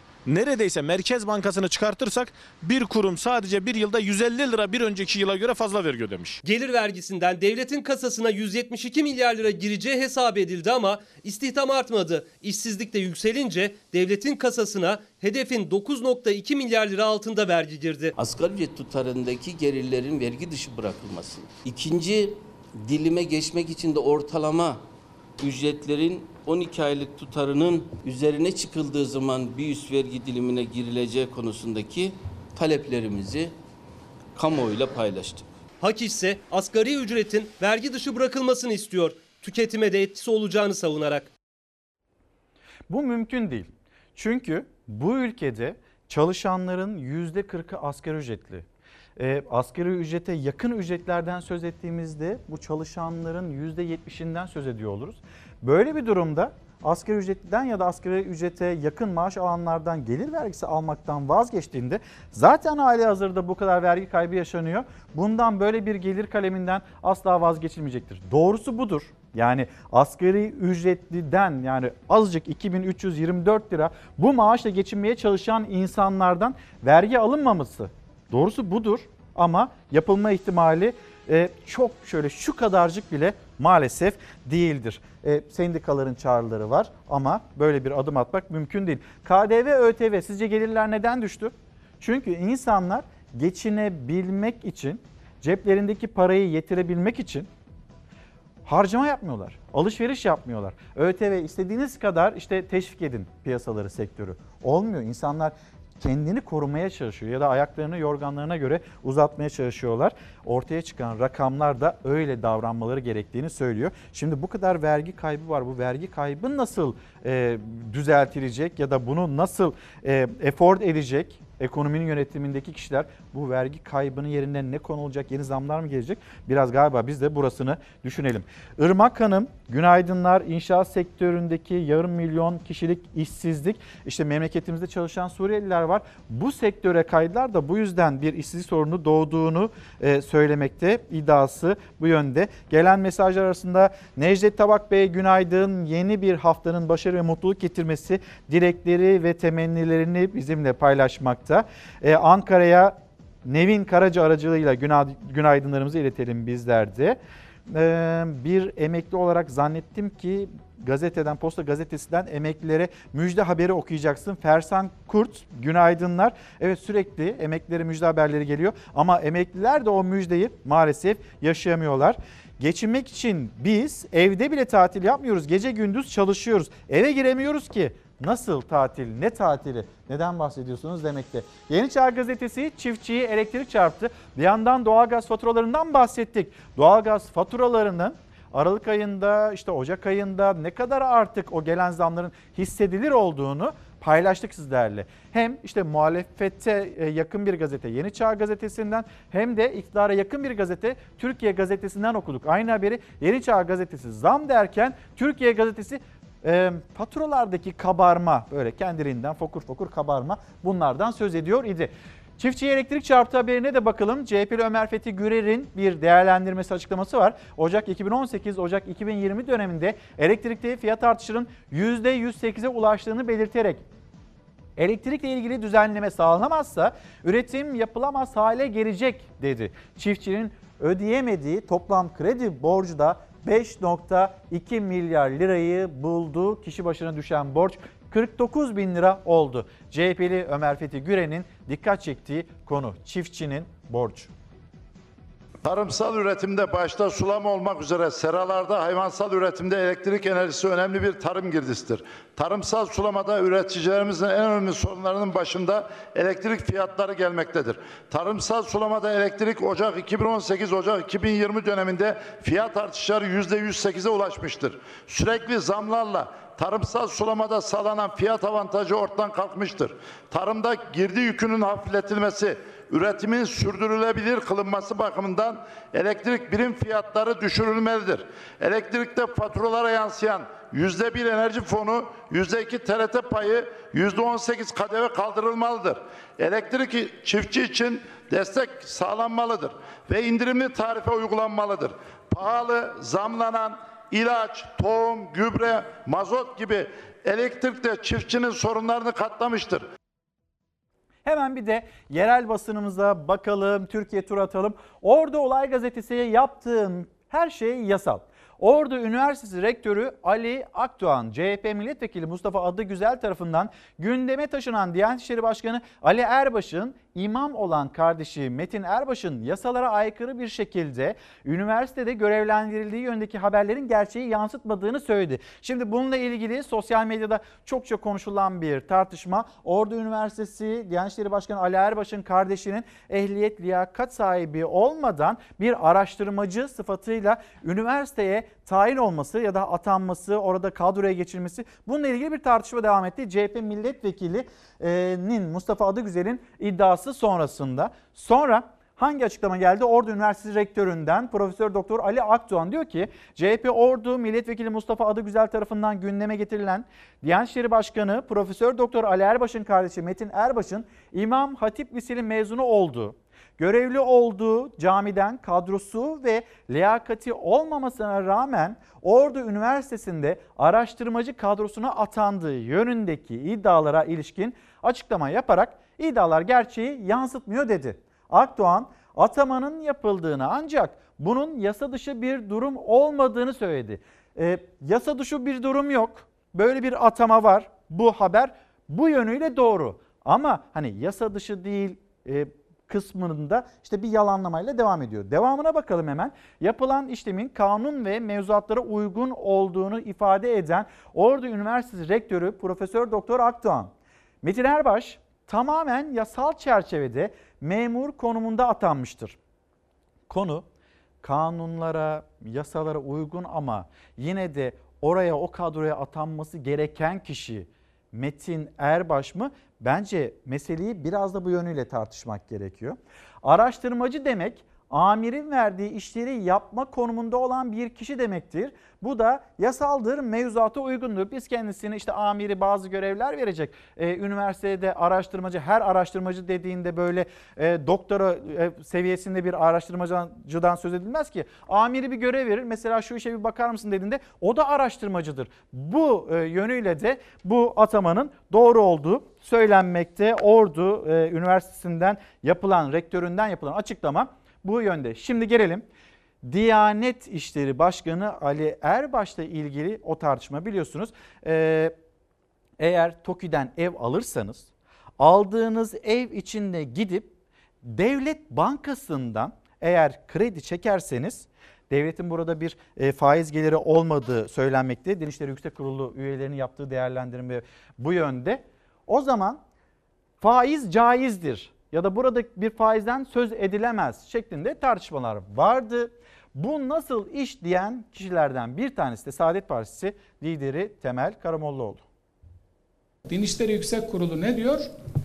Bu uygulama faize girmez diyor. Mağdur durumda bulunan bir insan bir para aldığı takdirde borç olarak o borcun üzerine konulan her şey faiz olarak adlandırılmış. Bu bir karşılıklı ticarettir. Zaruret durumunda olan insanların bu ticaretten istifade etmesi uygundur. Din İşleri Yüksek Kurulu'nun tartışılan faiz fetvasını Diyanet İşleri Başkanı Ali Erbaş da karşılıklı ticaret, zaruret diyerek savundu. Günlerce hocalarımız çalışarak bu cevabı verdiler. Diyanet İşleri Başkanlığı'na ve Din İşleri Yüksek Kurulu'na güvenmemiz gerekiyor. Diyanet İşleri Başkanlığı aslında AKP'nin propaganda bakanlığına dönüşmüş durumda. Diyanet tarihinde ilk kez TOKİ'nin faiz işlettiği sosyal konut projesi için kredinin kamu bankalarından alınmasını gerekçe göstererek faize onay verdi. Bu projede peşinat haricindeki tutar kamu bankaları vasıtasıyla kredilendirilmekte olup devletin amacı faiz geliri elde etmek değil, ödeme güçlüğü içindeki vatandaşlarının ev sahibi olmalarına yardımcı olmaktır. Söz konusu projeden yararlanmak caizdir. Keşke şöyle bir fetva verse devletin kurumu Tarım Kredi Kooperatifi, Ziraat Bankası çiftçiden aldığım faiz haramdır dese anlayacağız. Din İşleri Yüksek Kurulu bunu faiz olarak değerlendirmiyor. Bu faiz değildir diyor. Ama ne diyorlar? Böyle bir faiz caizdir dedi diyorlar. Alakası yok. Bu uygulama faize girmez diyor. Din İşleri Yüksek Kurulu'nun tartışılan faiz fetvasına Diyanet İşleri Başkanı Ali Erbaş arka çıktı. Faizin uygulamaya göre değişebileceğini ifade etti ama muhalefetin soruları yanıtsız kaldı. Kamu bankasından alırsan helal, özel bankadan alırsan haram. Yani TOKİ'den daire alırken faize para alırsan diyor helal diyor. Faizin dışında bir işlem olarak görüyor. Gel de bu işin içinden çık. Bu gidişle hacca da faizle gidilebilecek. Kurban keserken de faizle para alabilirseniz. Böyle bir fetva verdiyse bana da Dinçleri Yüksek Kurulu'nun verdiği bu fetva doğrudur demek düşer. Milletimize de bunu demek düşer. Diyanet İşleri Başkanı fetvanın doğru olduğunu savunurken herkesin de fetvaya doğru demesini istedi. Son noktayı böyle koydu ama o tartışma dinecek gibi değil. Fetva doğru, herkes de buna doğru desin demekti. Diyanet İşleri Başkanı devletin amacı faiz e, geliri elde etmek değil. Dar gelirliği ev sahibi yapmak. O zaman sıfırlansın, hiç olmasın. Ya da en başından beri böyle olsaydı niye şimdi gündeme geldi? Bu sorular da insanın aklına geliyor. Ee, Anadolu'ya Tercüman gazetesi şimdi yerel gazetelerle devam edeceğiz ama hemen sizi bir Mersin'e götürelim. Mersin'den güzel bir haber paylaşalım. sağlıklı hem kalorisi düşük. Hayır yemeğin içine kattığınız zaman yumuşuyor zaten. Mersin'de ekmek büfeleri kadınlara emanet. Mersin Büyükşehir Belediyesi ekmek büfelerinde yeni satış modeline geçildiğini ve kadınlara özgü bir özelleştirme modeline gidildiğini duyurdu. Ekmek büfelerinin işletmesi kadınlara verildi. Mersin'de Halk Ekmek Fabrikası bakım onarım çalışmalarının ardından satış modelini değiştirdi. Yeni modelle nüfus yoğunluğu ve talepler doğrultusunda büfe sayıları ve yerleşim noktaları yeniden ele alındı. Kadınlara özgü bir özelleştirmeyle de büfelerin işletmesi kadınlara emanet edildi. 54 büfeyle günlük 35 bin ekmek satışı yapan ekmek büfelerinin yeni satış modeliyle 38 büfeyle 50 bin ekmek satışına ulaştığı belirtildi. Başarının altında yatan etkense kadınların titiz çalışmaları. Ekmek büfelerinde çalışan kadınlarsa işlerinden çok mutlu olduklarını dile getirdi. Bana çok iyi geldi. Ee, manevi anlamda çok iyi geldi. Yani bütün kadınlar bence girişimci olsun. Kadınlara verilen bu olanak çok güzel. Çok mutlu etti bizi. Ee, yani umutlarımız tekrar yeşerdi. Proje hem başka illere de örnek olması bakımından hem de kadınların istihdam edilmesine katkı sağlama açısından büyük övgü topluyor. Halil Avşar, günaydınlar. Bu Kanal İstanbul projesi neden bir dayatma haline gidiyor? En azından İstanbullulara sorulması gerekmiyor mu? Bir referandum yapılması gerekmiyor mu? İşte bu soruyu soruyor. Aslında e, doğru, haklı bir soru ama dönüm baktığınızda 2011 yılında açıklanmıştı bu e, proje. Seçimlerden hemen önce Cumhurbaşkanı Erdoğan, AK Parti'nin kurmayları biz o zaman seçimlere gittik. Referandumda e, aslında o gün yapılmış olan seçimlerdir demekteler. Muhalefet bunu kabul etmiyor. Bu konuda onlar da haklı. Çünkü 2015 yılı seçimlerine gidilirken, 7 Haziran seçimlerine gidilirken mesela seçmene beyannamesi, seçmene sözleri içinde Kanal İstanbul hiç bulunmuyor. Hatta İstanbul Anayasası Kadir Topbaş döneminde yapılan bu çalışmalar içinde Kanal İstanbul'dan söz edilmiyor idi. Şimdi nereden çıktı Kanal İstanbul? İşte neden bu kadar yapılmazsa olmazsa olmaz bir proje haline geldi? Herkes bunu anlamaya e, kestirmeye çalışıyor. Bir Çankırı'ya gidelim. Çalışan emekli sayısı son 5 yılda %40 arttı demekte Tercüman gazetesi. Türkiye'de son 5 yıl içerisinde maaşlarında kesinti yapılmasına karşın çalışmak zorunda kalan emeklilerin sayısı %40 arttı. Bir yandan emekli oluyorsunuz, yıllarca çalışmışsınız, geçinemiyorsunuz.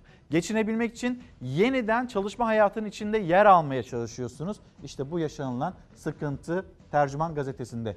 Edirne hemen bakalım Havsa'da pazarcılar kazan kaldırdı. Havsa belediye dükkanlarında yaşanan zam krizinin ardından şimdi pazar yerinde bağış krizi yaşandı. Havsa kapalı pazar yeri projesinin hayata geçmesi için Havsa Belediyesi tarafından kendilerince binlerce lira bağış adı altında para istendiğini iddia eden pazarcı esnafı tezgah açmayarak belediyeye yürüyüş yaptı. Havsa Belediye Başkanı'nı da yine protesto etmişler. Aydın Balkan'da yaşananları siyasi manipülasyon olarak değerlendirmiş. Şimdi Urfa'ya da gideceğiz ama önce bir çarşı pazardan haber verelim. Balık fiyatlarından bir haber verelim. Balık fiyatlarında inanılmaz bir değişkenlik var. Bakıyorsunuz 5 gün önce 6 gün önce hamsi 5 lira. Dün bakıyorsunuz tezgahlarda 35 lira. Vay vay vay vay vay. Ay görüyorsun balık havası. Tamam havası hamsi. 35. Yapacak bir şey yok. Üstümü yemeyeceğim. Havalar soğudu ama balık fiyatları düşmedi. Balıkçılar tezgaha etiket koyamaz oldu. En ucuz balık hamsinin fiyatı 35 liraya kadar çıkıyor. Hamsinin fiyatından haberiniz var mı? Hayır. 35 lira olmuş. Balık yok o zaman. Yoksa 5 liraya kadar düştüğünü biliyoruz. 35 değil ya niye 35? Valla maşallah. E, kırmızı et alalım ya. Yarım kilo kıyma. Fiyatı kıymaya yaklaşan hamsi çok değil sadece 5 gün önce 5 ila 10 lira arasında satılıyordu. Edirne'de tezgahın önünde kuyruk oluştu. Tüketici balığın fiyatı düşmüşken kaçırmak istemedi. Bir şişe su 5 lira, bir kilo balık 5 lira. Her zaman balık bu paraya düşmez. Düşen fiyatlar geçiciydi. Hafta sonu İstanbul'da hamsi ve istavritin fiyatı 25 lirayla 35 lira arasında yükseldi. Üstelik fiyatı artan sadece hamsi de değildi. enteresan bir şey var. Bir balık olmasa bir balık olur. Palamut olmasa çinekop olur. Çinekop olmasa istavrit olur. Bu sene? İstavrit olmasa hamsi olur. Bu sene hiçbir çeşit olmadı. Olan vatandaş oluyor. Fiyatları gördünüz mü? Evet gördüm. Nasıl? Pahalı. Çok tazeler. Taze görünüyorlar zaten. Tezgahtaki balıklar göze hoş görünüyor ama etiketi görene kadar levrek ve çupranın kilosu 40 lira, palamutun tanesi 35 lira. Tezgahın en ucuz balıysa istavrit ve hamsi. Onların kilosu da 35 lira. Rekortmen altın fiyatını. Altın 300'ü buldu kalkanda buldu 300'ü. Şimdi hani deriz ya benim param olsa ben de yerim derler ya. Ha, bu balıktan yemek lazım. Tezgahın fiyat şampiyonuysa kilosu 300 liralık kalkan balığı oldu. Cep yakan fiyatlara rağmen alabilen az da olsa balıkla döndü evine. Bulduğumuzu yiyoruz ama 35 yani tabii biraz pahalı ama 35 lirada olsa hamsi yiyeceğim diyorsun. yiyeceğim evet. Aklımda vardı. Urfa Fanatik gazetesi bu arada işte tezgahlara bakıyorsunuz balık fiyatları neden bu hale geldi nasıl böyle bir değişkenlik içinde biz neyi nerede yanlış yapıyoruz onunla ilgili çok çarpıcı bir haber var onu da ekranlarınıza taşıyacağız. Urfa Fanatik doğal gaz zamları modernden eskiye götürüyor. Doğal gazda evde oturanlar odun sobası kullanıyorlar demekte gazete, yerel gazete. Ama Türk Gün gazetesini özür diliyorum düzeltiyorum. Türkiye gazetesini okuduğunuzda hala doğal gaz kullanmak daha karlı deniliyor. Onu da yine hatırlatmış olalım. Türkiye gazetesi uyarmakta. 9 Eylül İzmir Zeytine dokunma. Ayvalık'ta yapılması planlanan Karakoç Barajı'na karşı vatandaşlar eylem yaptı. Köylüler baraj yapılırsa tarım arazileri su altında kalacak. Zeytinde verim azalacak diyerek isyan etti. Hemen Antalya, Alanya'ya gidelim. Grip kuyruğu manşet bu şekilde. Ee, Alanya'da grip salgını giderek büyüyor. Hastanelerin acil servislerinde uzun kuyruklar var. Peki biz mesela aşı, aşı konusunda neden biraz daha geri adım atar olduk? Bunu da belki sorgulamak gerekiyor. Yine Adana 5 Ocak gazetesi. Adana eski Adana olmayacak.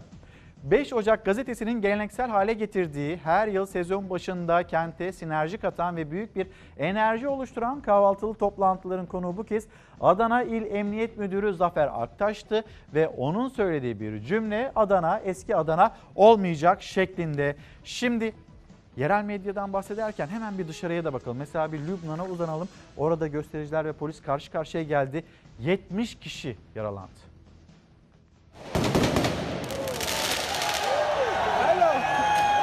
Lübnan'da göstericilerle güvenlik güçleri arasında arbede yaşandı. Başkent Beyrut'ta toplanan kalabalığa güvenlik güçlerinin müdahalesi sert oldu. 70 yaralı var. Lübnan'da sosyal medya uygulamalarına getirilmesi planlanan vergiler üzerine başlamıştı eylemler. Ekonomik kriz ve hükümetin vergi politikaları nedeniyle 29 Ekim'de Başbakan Hariri istifa etti. Aylardır devam eden gösterilerde tansiyon iyice arttı. Yeni hükümetin kurulamaması, ekonomik krizin derinleşmesi protestolara katılımı da artırdı. Polis hiç olmadığı kadar sert müdahale etti Lübnanlı protestoculara. Beyrut'un merkezinde meclis binasının önünde toplandı protestocular. Aylardır devam eden protestolarda olduğu gibi hep bir ağızdan sloganlar atıldı, pankartlar açıldı. Ancak güvenlik güçleri göstericilere tazikli su ve biber gazıyla müdahale etti. Kısa sürede çıkan arbedede 70 gösterici yaralandı.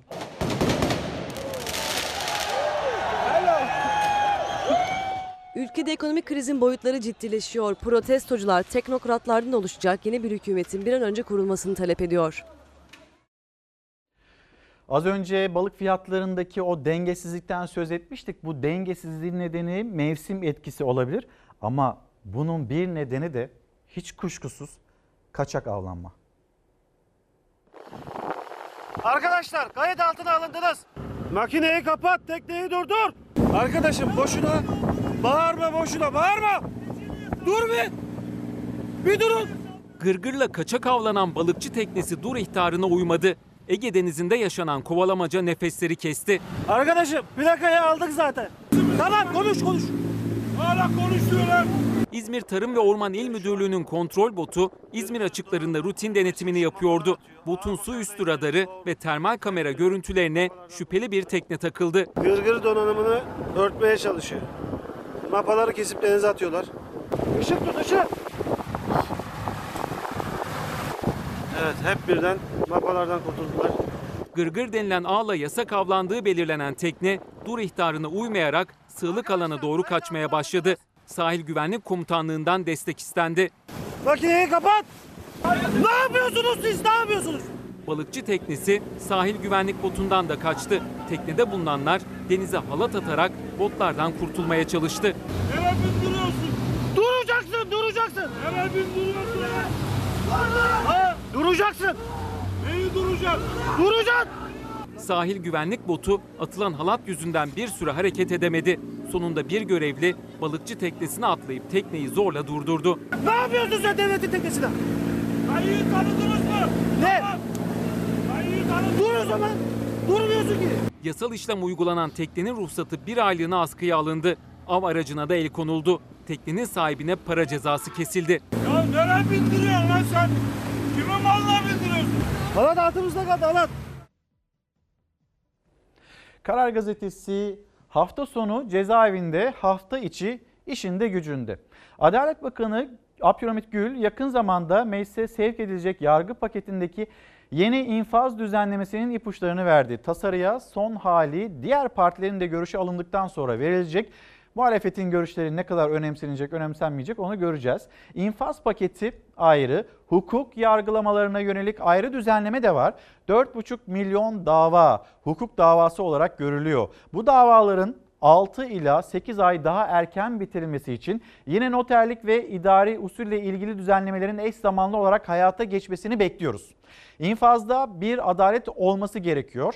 2 yılın altındaki suçlarda cezaevine bile girilmediği görülüyor. Bu değişmeli hasta, yaşlı ve hamilelere yönelik bir düzenlemenin de söz konusu olacağını söylemekte Adalet Bakanı. Hafta sonu evde infaz, hafta sonu e, geceleyin infaz gibi doğum yapanlara, yaşlılara, hastalara yönelik infazın insani yönünün değeceği düşüncelerde yine söz konusu bir e, düzenleme içinde yakında Türkiye Büyük Millet Meclisi'ne e, yargı paketi içinde yeni infaz e, yasası ya da düzenlemesi bu da gelecek. Ama akıllarımızda hala şu var işte çok güzel, başarılı bir müjde ya da bir adım olarak tarif ediliyor Adalet Bakanı tarafından ama kanunlarla ilgili karar alınca mesele bitmiyor. Bunu takip etmek de gerekiyor. Bakın bir katil, cani ruhlu bir kişi Ceren'i unuttuk mu? Unutmuyoruz. Unutamayız. Ya da Türkiye'de yaşanılan kadın cinayetleri bunları unutamayız. Bir kişi cezaevinden çıkıyor ya da cezaevinden kaçıyor. Sonra bu adam nerede? Nereye gitti? Bunu araştıran, araştırabilen, bulabilen yok.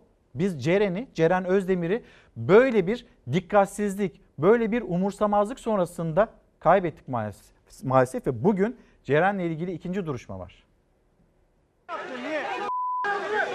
Türkiye'yi yüzüne boğan Ceren Özdemir cinayetinde ikinci duruşma bugün görülecek. İlk olarak 24 Aralık'ta hakim karşısına çıkan Özgür Arduç akli dengesinin yerinde olmadığını iddia etti.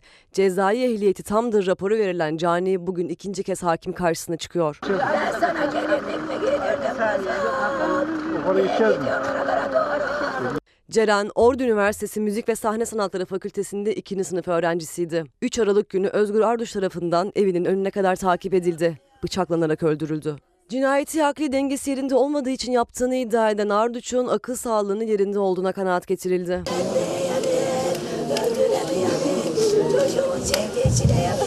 Doğum gününe 3 gün kala hayattan koparıldı Ceren Özdemir. Katil Özgür Arduç, canavarca histe kasten öldürme suçundan ağırlaştırılmış müebbetle yargılandığı davaya Van'da tutuklu bulunduğu cezaevinden ses ve görüntü bilişim sistemi aracılığıyla katılacak.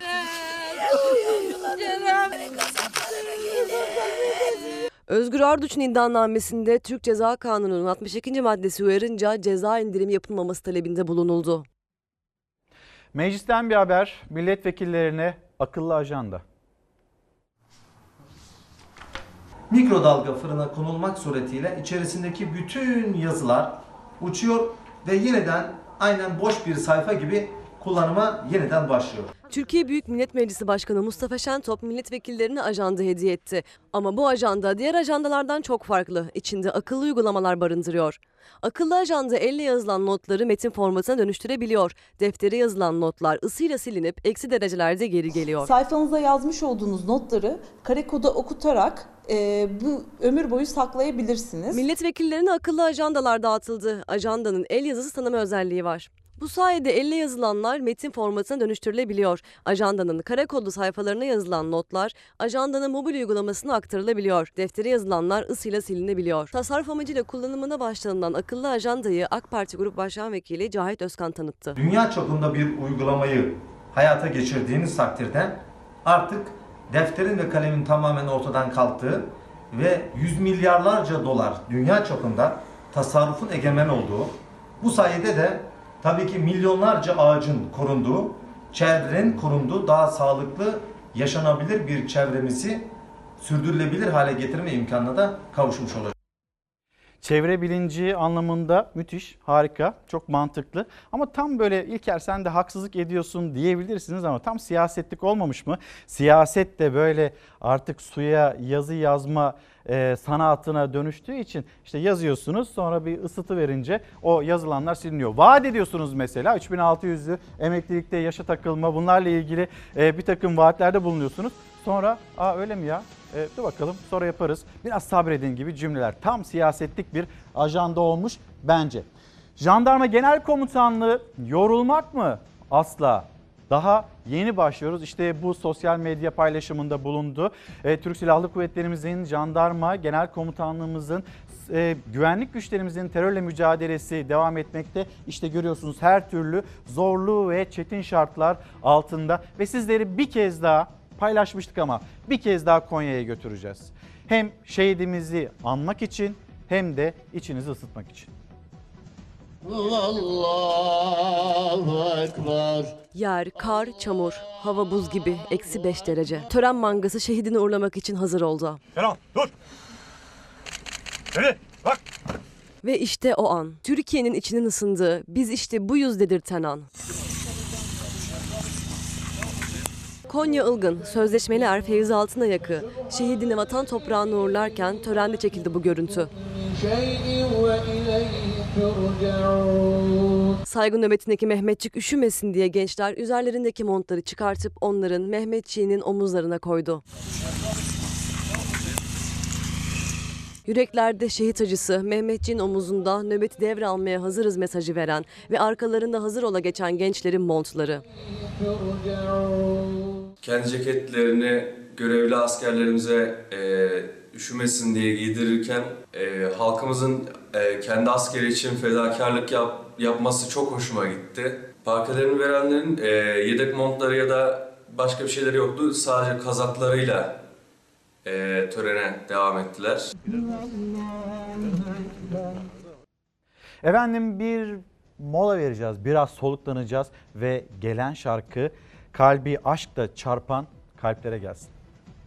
Gözlerini gözlerimden ayırma hiç, ayırma hiç, ayırma hiç ne olur. Gözlerini ayırma hiç, ayırma hiç, ayırma hiç ne olur.